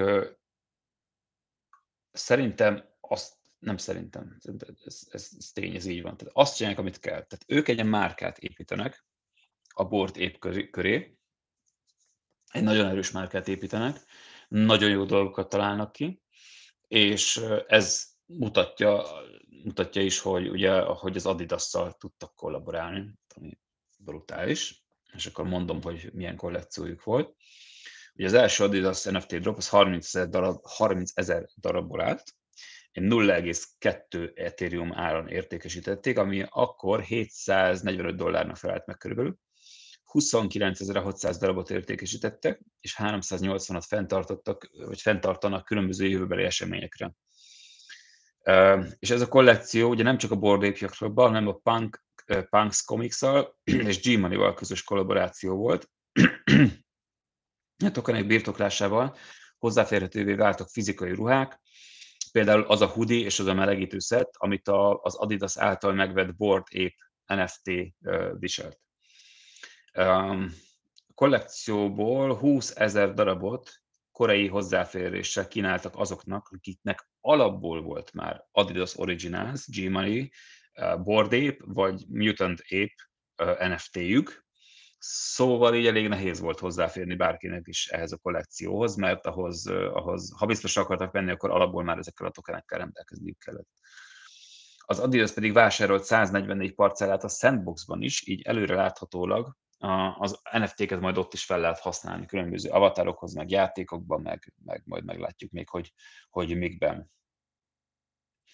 Jöjjön a Nike. Ugye Nike az már 2019-ben kollaborált a Fortnite-tal, ott a karakterek Nike sneakereket viselhettek, illetve egy volt pár kollabja a roblox is, ez szintén 2019-ben, úgyhogy ők már elég korán felfigyeltek erre a dologra. Viszont ami még nagyobb hír, hogy, és ez, ez, ez egy nagyon komoly hír, hogy 2021. december 13-án a Nike az felvásárolta az Artifact Studios-t, ezt nagyon sokáig nem tudtam kimondani, hogy, hogy azt a cég, ennek a cégnek a nevét, mert úgy van leírva, hogy RTFKT, fogalmam nem volt, hogy kell kimondani, ezt nem valahol, valamelyik YouTube videóban hallottam, tehát ez az Artifact Studios, és felvásárolta őket a Nike. Én egyébként az Artifactet már korábban követtem a, a közösségi médiákban, mert ilyen nagyon komoly digitális sneakereket kezdtek el csinálni, iszonyat jó minőségben, tehát láttam már azelőtt is digitális sneakereket, és nekem ugye alapból a sneakerek mániáim, szóval én követek mindent, ami sneaker, és tehát láttam már más, máshol is, de azok nem voltak ennyire jó minőségűek, nem, nem, nem volt ilyen tök jó árfilter, amivel már alapból rá tudtad így telefonnal tenni a lábadra, és ők pedig ilyen barom, barom jó minőségben állították el ezeket a cuccokat, nagyon jók voltak az animációik, láttál, tehát látszott, látszott rajtuk, hogy nagyon komolyan csinálják ezt, nagyon akarják ezt, és, és nagyon, nagyon, nagyon profi csapat van mögöttük. És hát a Nike ezt észre is vette, és hát gyorsan lecsapott rájuk, és felvásárolt őket. Szóval nagyon durva, mert egy olyan cég került a, a Nike-nak a portfóliába, ugye a, a, a Nike, a, a Jumpman meg a Converse mellett, ami konkrétan, nem tudom, 2020-ban alapult az Artifact, azt hiszem. Tehát, hogy egészen elképesztő. Úgyhogy, de hát igen, a Nike-ről tudtuk, hogy azért elég élő bemutató a marketingje. Úgyhogy ők most elég keményen bele fognak menni az artifact ebbe a, ebbe a metaverzum témába. Azt mondja, hogy 2021. februárjában az Artifact, kicsit kitekintés még rájuk, és egy designer, akiket úgy hívnak, hogy Few, Fewocious, így kell kimondani, egy fiatal srác, nagyon fiatal, ha jól emlékszem, 19 éves, de most ezt nem mondom biztosan, Nekik volt egy közös sneaker kollekciójuk, ami konkrétan 7 perc alatt kelt el, és 3,1 millió dollár bevételt termelt, szóval egészen elképesztő. És szintén az Artifact kollaborált Takashi Murakamival, neki is volt egy NFT kollekciója, ami konkrétan 65 millió dolláros tranzakciós forgalmat bonyolított le, egészen, egészen brutális. A Nike több védjegyet is bejelentett a, a Nike szóra, mint ugye a márkára, a Just, a Just Do It szlogánra, magára a pipára, valamint az Air Jordan és a Jumpman logókra. Szóval ebből is látszik, hogy elkötelezett így a, így a NFT-k, meg metaverzum, meg, meg blockchain felé.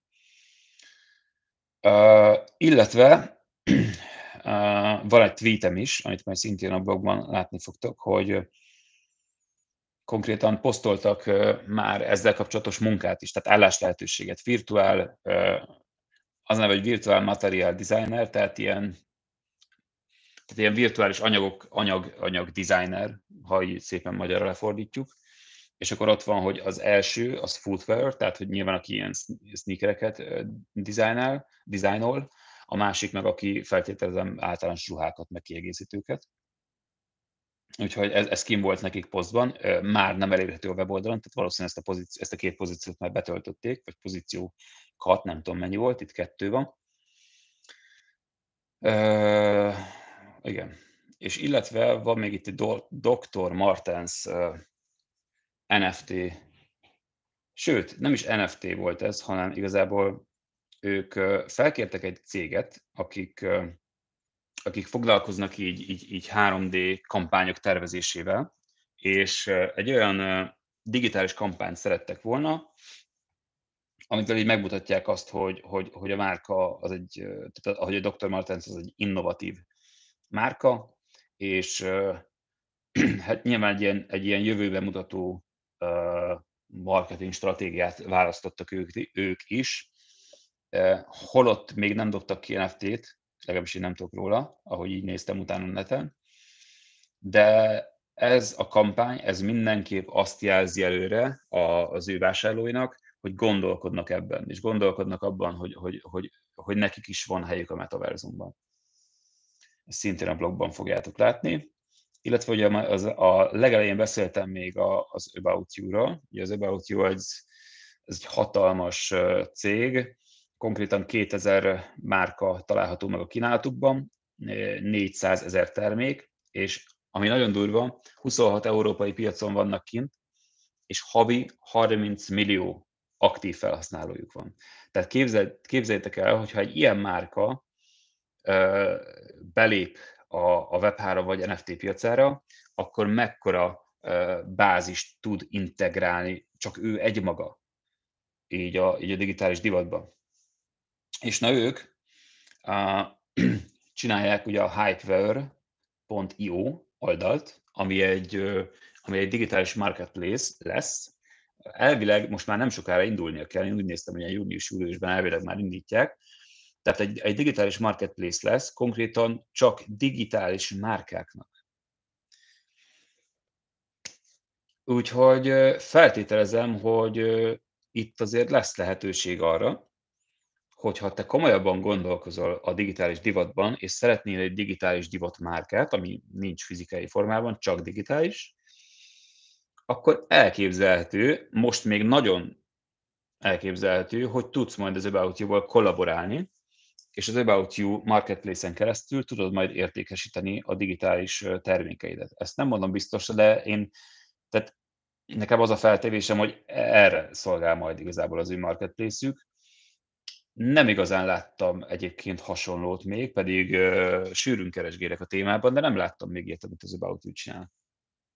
Úgyhogy nyilván ők is arra bazíroznak, hogy, hogy itt azért egyre többen fognak majd integrálódni így a, így a digitális divatba emberek, egyre több márka fog létrejönni, és hosszú távon itt is több százezer márka létre fog jönni digitális divatból, ebben teljesen biztos vagyok, mert szerintem még azok is digitális divatmárkát akarnak majd csinálni, akik most nem tudom, tehát akik még nem is gondolkoztak ebbe, csak mondjuk nem tudom, otthon skiccelgetnek, vagy tök jól rajzolnak, mert most egyébként a metaverzum, meg az NFT-k világa, az a művészeknek egy új világot nyitott ki. Tehát míg eddig az volt, hogy lehet, hogy valaki tök jól rajzolt otthon, de nem tudott ezzel a tudásával mit kezdeni, mert, mert, mert rajzolt és kész, addig lehet, hogy most megcsinál egy, egy, egy digitális divat kollekciót, mondjuk egy csajoknak egy ruha, ruha kollekciót, egy tíz darabos, csinál rá egy weboldalt, vagy, vagy nem is kell rá weboldalt csinálnia, hanem ír az about hogy figyelj, nekem van egy ilyen digitális márkám, akarok veletek kollaborálni, és lehet, hogy fölkerülhet az about a digitális marketplace-ére, és ott el tudja adni a ruháit. Tehát, hogy ez simán lehet. És és abszolút benne van a pakliban, hogy ez, ez egy nagyon felkapott dolog lesz. Mondom, én a következő nem egy-két évbe tervez, vagy gondolom, hogy az lesz, hanem inkább egy 5-10 éves távlatban, ahogy ugye a metaverzumok is egyre szélesebb körbe elterjednek, ahogy egyre többen integrálódnak a, a, egyáltalán a Web3-ba, egyre több felhasználója lesz ennek a, ennek a, ennek a dolognak, úgy, úgy ezek a márkák is meg fognak nőni, egyre több videójátékban fognak megjelenni márkák, legalábbis én ezt predestinálom. Oké, és, um, és akkor beszéljünk pár digitális divatházról, amiknek semmi közel nincsen semmilyen fizikai termékhez, kizárólag digitális termékekkel foglalkoznak.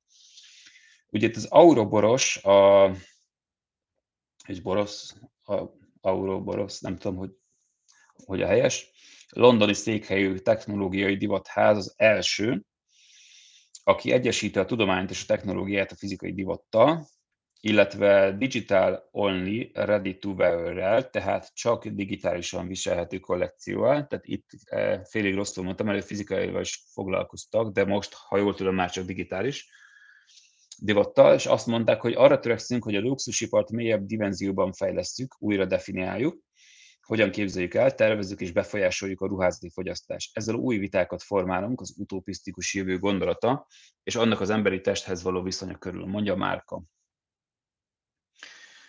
A következő az a fabrikant, de még igazából egy, egy gondolat ehhez, hogy itt ne, ne csak úgy zárjam le, hogy, hogy, hogy felolvasok valamit, és akkor nem mondok hozzá semmit. Tehát én úgy gondolom, hogy attól, hogy attól, hogy valaki az első ebben az iparágban, attól mi nem feltétlenül lesz a legjobb. Tehát uh, itt, uh, itt most csak egy kis kitekintés, vagy egy gondolat azoknak, akik, akik nagyon sokat hagyományos vállalkozásban is szoktak abba gondolkodni, hogy nagyon telített a piac, meg már olyan jó cégek vannak, és akkor nekem mi esélyem, vagy mit tudom én. Tehát itt egyrészt a digitális divatban rohadtul a legelején vagyunk, de tényleg, tehát itt még aztán tényleg semmilyen kiépített dolog nincs, itt még minden új, itt még hatalmas esélyeid vannak, és nagyon gyorsan lehet felkapott, vagy lehetsz felkapott, jó?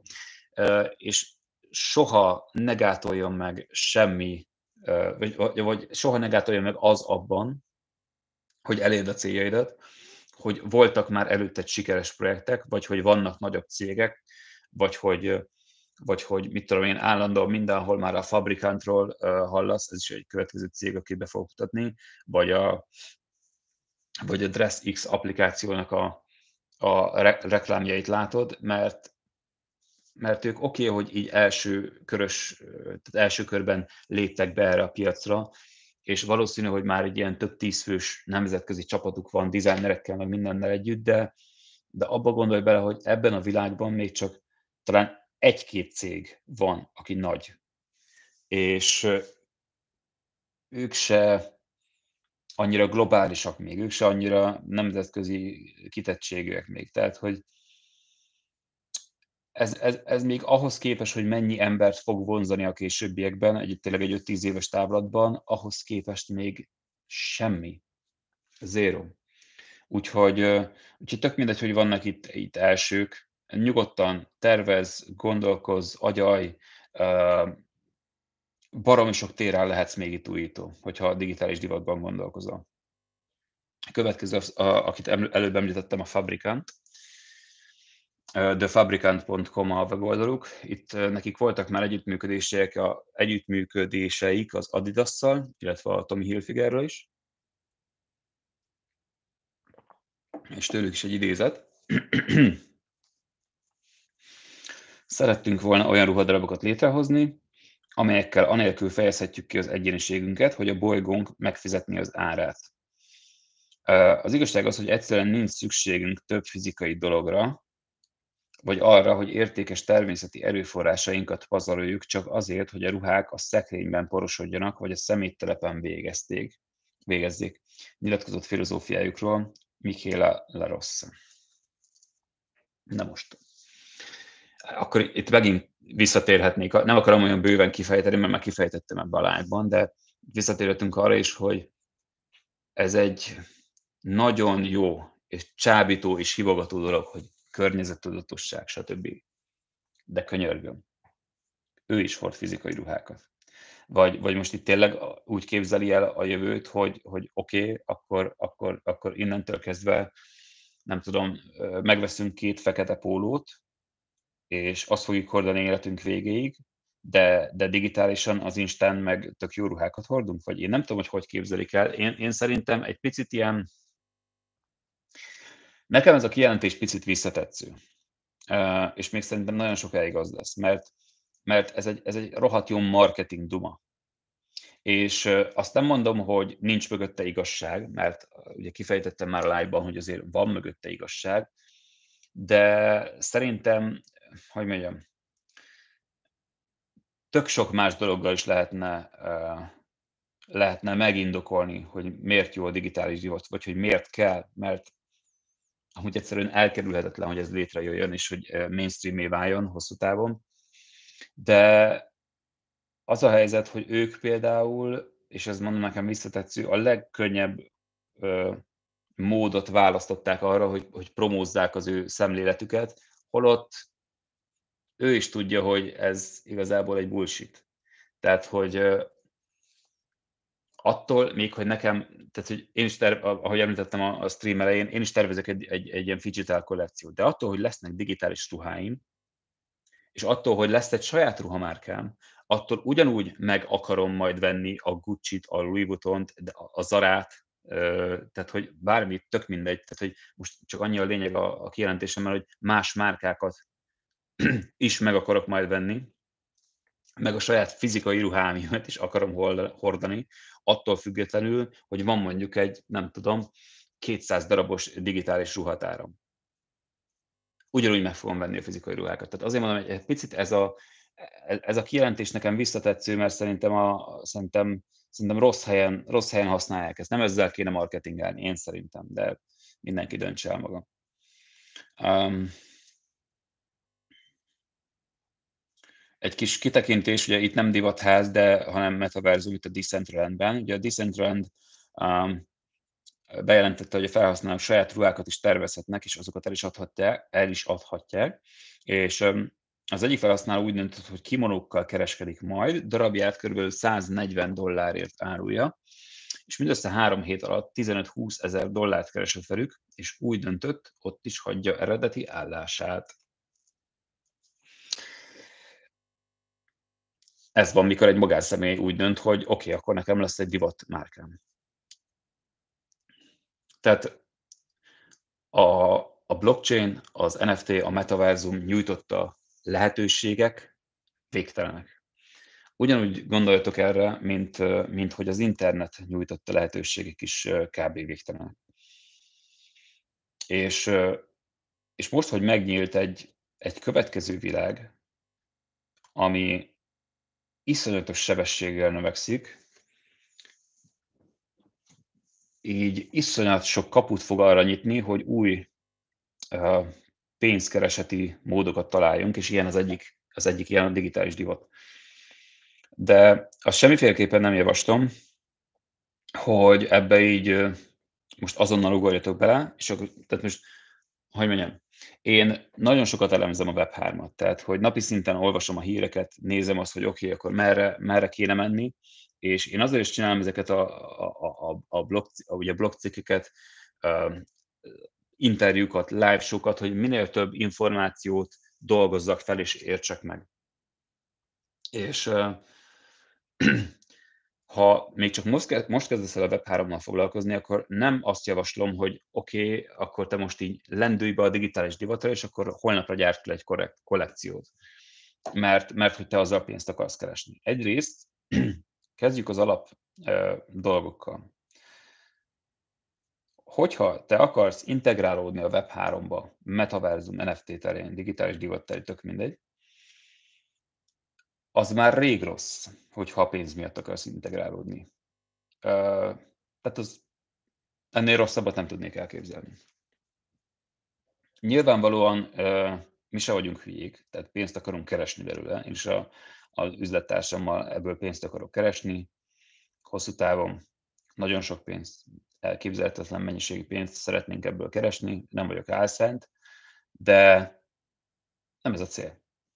Tehát nem ez az elsődleges cél. Az elsődleges cél az, hogy megismerjük ezt a világot, ezt az egész Web3-at, megértsük, hogy egyáltalán mi a fenéről szól ez az egész, és egyáltalán eh, hogy lesz ez hatással a mi életünkre, és a hosszú távú dolgokat elemezve igyekszünk megérteni, és úgy építeni vállalkozásokat, hogy értjük is, hogy mit csinálunk mert hogyha most te csinálsz holnapra egy, nem holnapra, most tök mindegy, egy hónap múlva kész lesz egy digitális ruha kollekciód, akkor ott leszel, hogy oké, okay, van egy digitális ruha kollekcióm, de hogyan tovább? Tehát, hogy, tehát, hogy hova rakjam ezt föl, hol adjam el, hogyan marketingeljem, egyáltalán, egyáltalán hogyan tudják ezt az emberek megvenni, vagy tehát egy csomó mindent meg kell értened ahhoz, hogyha, hogyha akarsz egy, egy digitális divatmárkát csinálnod.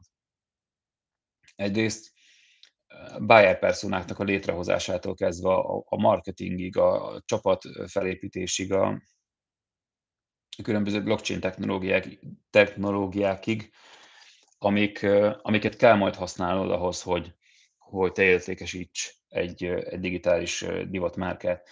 Illetve, hogyha van annyi pénzed nyilván, és fel tudsz állítani egy teljes csapatot erre, mert valószínűleg nem kevés ember kell ehhez, akkor, akkor csináld. Tehát, hogy akkor miért ne? Csak én azt mondom, hogy ha alapból egy olyan helyzetben vagy, hogy oké, okay, most így, uh, hogy mondjam, megvan a motivációd, nem is letörni akarom, félre ne érts, tehát, hogy, de ha megvan a motivációd, és, és te tudod, hogy ezt akarod csinálni, akkor egyrészt ülj le, és kezd el tanulmányozni a Web3-at, a blockchain technológiát, és mindent érts meg, nem minden, de úgy az alapjait értsd meg ennek az egésznek. Majd írj egy stratégiát, hogy te ezt hogy fogod csinálni, hogy fogod létrehozni, hogy fogod, mivel fogod csinálni ezeket a ruhákat. Utána mik a következő lépések. Tehát, hogy ne, ne csak úgy ugor bele fejest, hanem hogy értsd meg ezt az egészet, és állíts fel egy stratégiát, hogyha ebbe az egészbe bele akarsz ugrani. Ez a mondanomnak a lényege. Um, van itt pár kijelentés, amit amit kigyűjtöttem, ezeket fel szeretném olvasni nektek. Az egyiket már többször elmondtam, hogy a fizikai világban is kell öltözködnünk. Azt mondja, hogy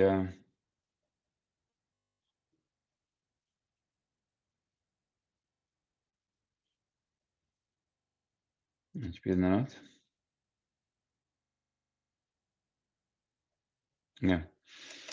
Matthew Drinkwater, a London College of Fashion divat innovációs ügynökségének vezetője mondta, a Fortnite rajongói dollármilliókat is képesek elkölteni a különböző kinézetekre. Tehát azt lehet mondani, hogy a játékiparban a virtuális tartalmakra költött pénz hatalmas, amit a divatipar csak most kezd felismerni. Erről is beszéltünk már a livestream alatt, de így, így még egyszer csak így összefoglalva. Tehát tulajdonképpen most itt az van, hogy a divatipar azt kezdi felismerni, vagy hát nem, és azt, hogy kezdi felismerni, szerintem ezt tudták eddig is, tehát hogy, hogy a videójátékokban mennyi pénz van, tehát ez, ez eddig is szerintem tök nyilvánvaló volt mindenkinek, akinek nem az valami, nem tudom, burokban éri az életét, de inkább azt mondom, hogy most kezd trendé válni azt, hogy, hogy ez a két iparág ez elkezd találkozni. Ugye a videójátékok, meg a, meg a, meg a nagy divatházak világa, és, és most kezd trendivé válni az, vagy hát kezdett egy már egy pár évet trendivé válni az, de most meg különösen, hogy, hogy ugye a nagy divatházak különböző skineket gyártanak videójátékokba, és ezáltal ugye a videójáték közösségét be tudják integrálni az ő rajongó táborukba, akik egyébként nem, bizt, nem azt mondom, hogy nem valószínű, de nem biztos, hogy amúgy uh, érdeklődést mutattak volna a márka felé. Azt mondja, hogy még egy idézet. Úgy gondoljuk, hogy négy év múlva mindenki AR szemüveggel fog járkálni, emberek millióinak mosódik majd össze a valóság és a digitális világ. Ha mondjuk vettél egy digitális ruhát, akkor ha fekete kapucnis pulóverben és egy fekete farmerben sétálsz is az utcán, azok, akik AR szemüveggel haladnak el melletted, a virtuális szettedet látják majd. Nyilatkozott a lehetséges jövőről James Joseph, a CYBR magazin alapítója. Na most, ez is egy érdekes feltevés. Tehát, hogy itt már, azért, itt már ugye túl, ez túlmutat azon, amit, amiket korábban mondtam a stream alatt, hogy, hogy ugye úgy használhatsz egy digitális ruhadarabot, hogy, hogy, hogy az avatarodon, vagy játékokban, hanem ő már azt mondja, egyébként ebben én is hiszek, tehát alapból, alapból én is ezt, ezt, ezt abszolút el tudom képzelni, hogy rajta van egy AR szemüveg, és, és amit ugye előbb olvastam, hogy ha én ebbe a cuccba vagyok, akkor oké, okay, ezt látja szemeg nélkül, de a szemegbe járkál, akkor azt látja, amit én digitálisan úgymond beállítottam magamnak. Az, hogy ez hogy fog létrejönni, azt még nem nagyon tudjuk, mert ahhoz azért szerintem egy azért egyen magasabb szintű technológia szükségeltetik hozzá, és megmondom őszintén, elképzelésem nincs, hogy ezt hogy fogják megvalósítani. De egyébként ez, ezt nevezném én annak, hogy konkrétan egy ilyen live metaverzum.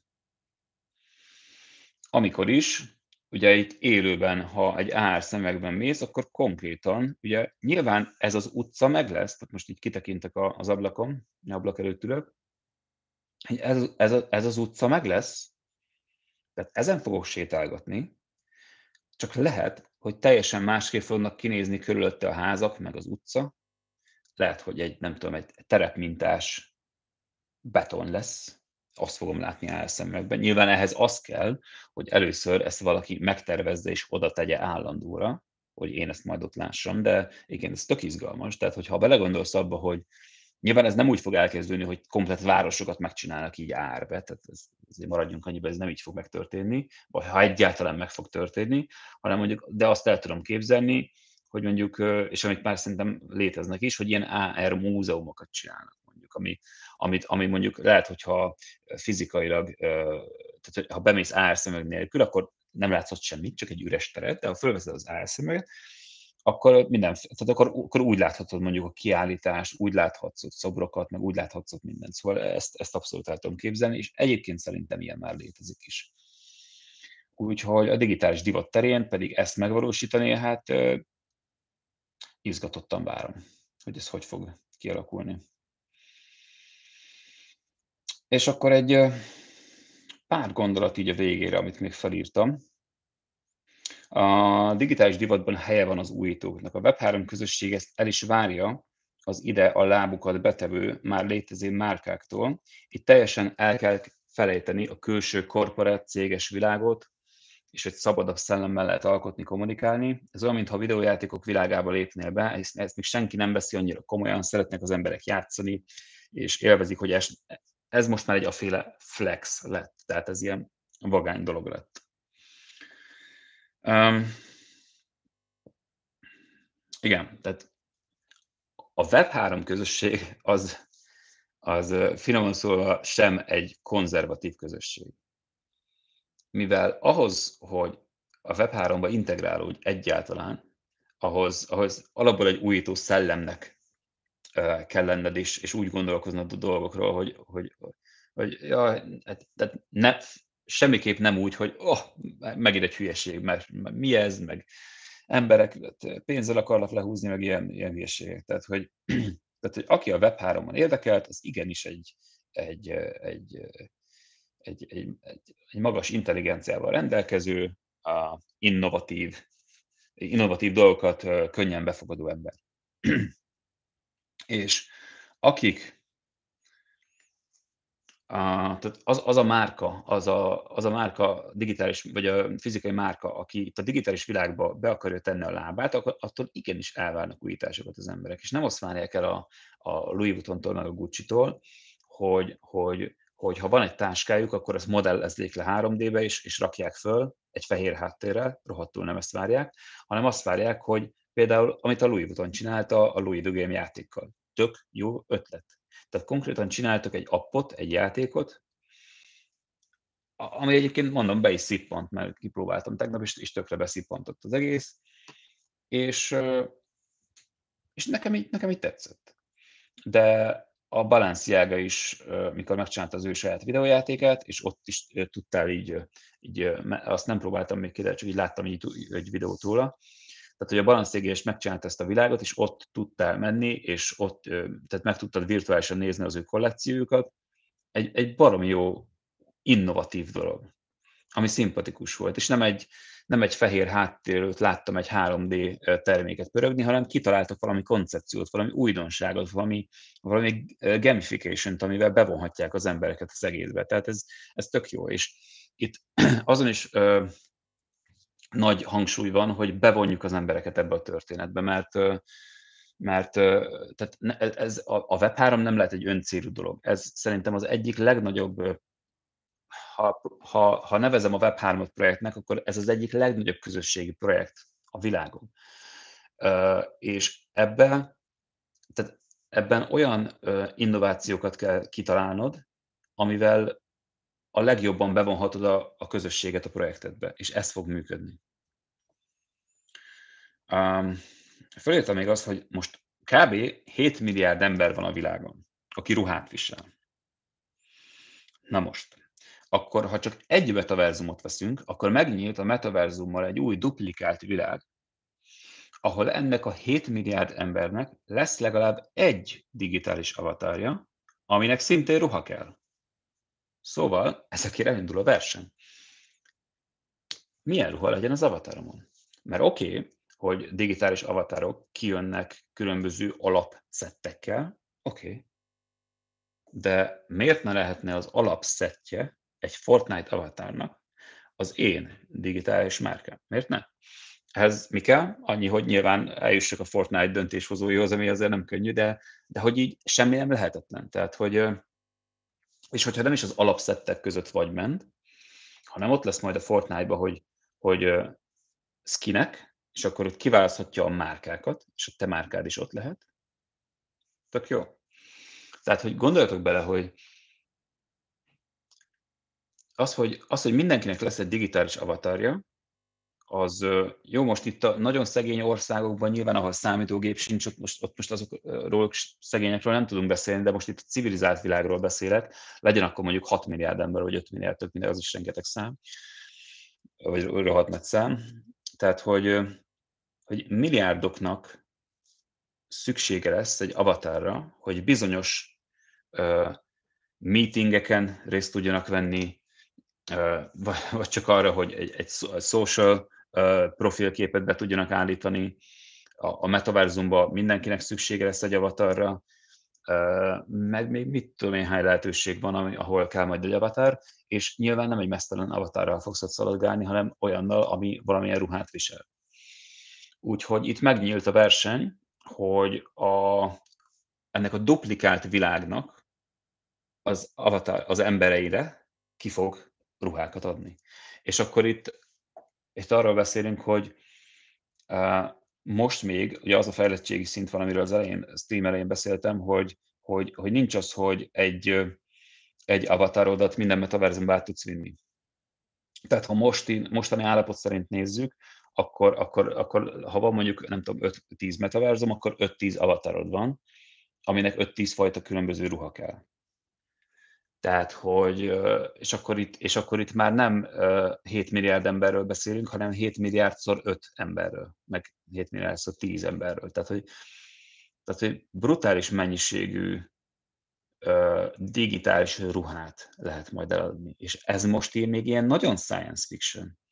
De ha egy picit így, így, így a stream után leültök, vagy benne, hogy ezt nem most nézitek, hanem tök mindegy, mikor nézitek, utána leültök, egy picit elgondolkodtak, hogy merre felé megyünk, mert én, én, én egyébként ezeket a gondolkodásokat szeretem, és én ezért szeretek agyalni, meg ezért szeretek majd interjúkat csinálni, majd beszélgetés műsorokat is hosszú távon, mert, mert ezt ki tudjuk tárgyalni együtt. Tehát, hogy mindenkinek van valami látásmódja erről a dologról.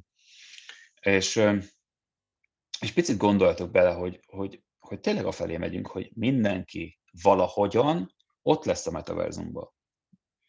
Hogy lesz ott? Kell neki egy avatar? Az avatarnak kell egy ruha? Tehát, hogy most itt arról beszélünk, még egyszer, hogy több milliárd embernek kell valamilyen ruha, egy digitális ruha, amit gyárthatsz te is. Szóval itt megnyíl egy, megnyílik, megnyílt egy hatalmas lehetőség.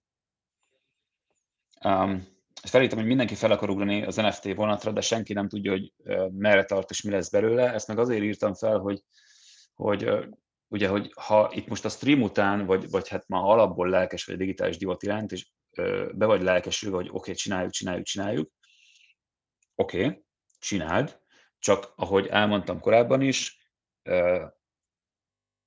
tudd, hogy mit csinálsz, tudd, hogy merre mész, és állíts föl egy stratégiát magadnak, ne csak úgy ment, hogy oké, okay, uh, most összerakom a digitális ruhát, ú, uh, akkor most nézek egy platformot, gyorsan hova lehet feltölteni, stb. Ebből lehet, hogy rövid távú sikereid lesznek ebből a kapkodásból, de egy hosszú távon nem, az hétszentség biztos. Tehát, hogy teljesen mindegy, hogy fizikai márkáról beszélünk, vagy digitális márkáról beszélünk, és mindegy, hogy divat, vagy milyen márkáról, itt a lényeg a, a, a márka szó. Tehát, hogy itt, ha egy stabil márkát építesz, akár a fizikai világban, akár a digitális világban, akkor fogsz hosszú távon nyerni, de ezt meg csak úgy tudod csinálni, hogyha nem a pénzért csinálod, hanem azért, mert élvezed ezt az egészet, ezt az egész folyamatot, ezt az egész tanulási folyamatot, minden szívást, amivel jár, de minden csodálatos dolgot is, amivel az együtt jár. Um, és akkor még két gondolat.